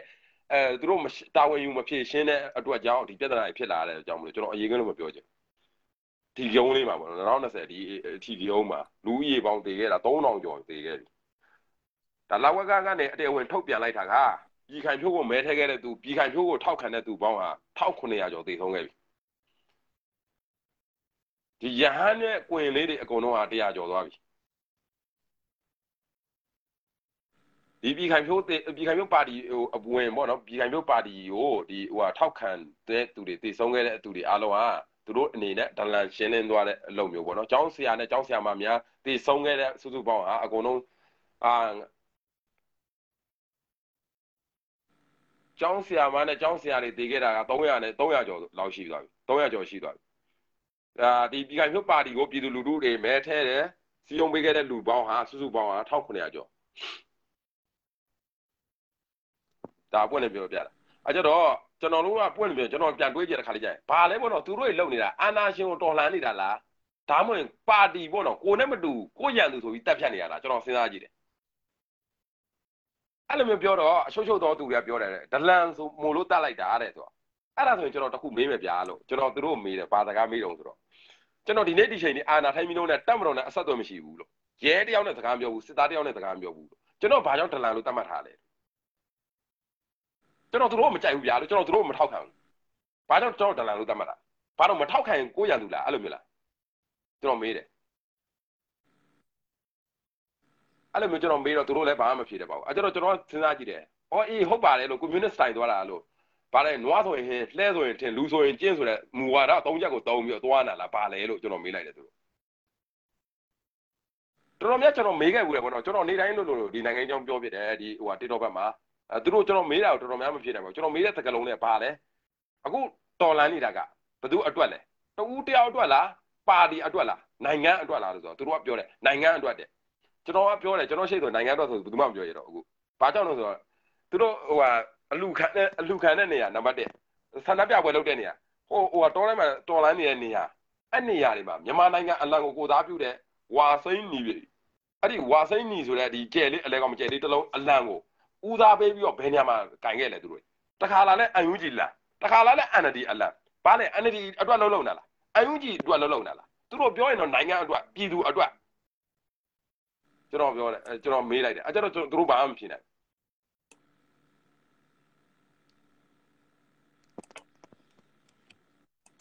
အေးပေါ့အဲ့လိုပေါ့ okay okay ငါတို့နောက်နေ့ဆက်ဆွေးနေတာပေါ့နော်ဟုတ်ကဲ့တင်ပေးရတော့ကျေးဇူးပါကောင်းပါကျေးဇူးပါကျေးဇူးပါဟုတ်ကဲ့ဟုတ်ကဲ့ နော်နောက်ကို9နာရီလောက်တက်မယ်နော်တက်လို့ရှိရင်ဘာလို့လဲဆိုတော့7နာရီလောက်ကြာတော့ဒီဘက်မှာနိုင်ဒီကသတင်းကျင်ညာတာနဲ့ဗာနေကြတော့လေဟိုလင်းဖြစ်မှာဟုတ်ကဲ့ဟုတ်ကဲ့ဟုတ်ကဲ့ Okay ပါကြည့်နေပြီးပါပြီဒီအားလုံးကျေးဇူးတင်ပါဗျာနော်နောက်နေ့လည်းဝင်ဆွေးနွေးလို့ရပါတယ်မြေသူဆိုနော်ကျေးဇူးပါဟုတ်ကဲ့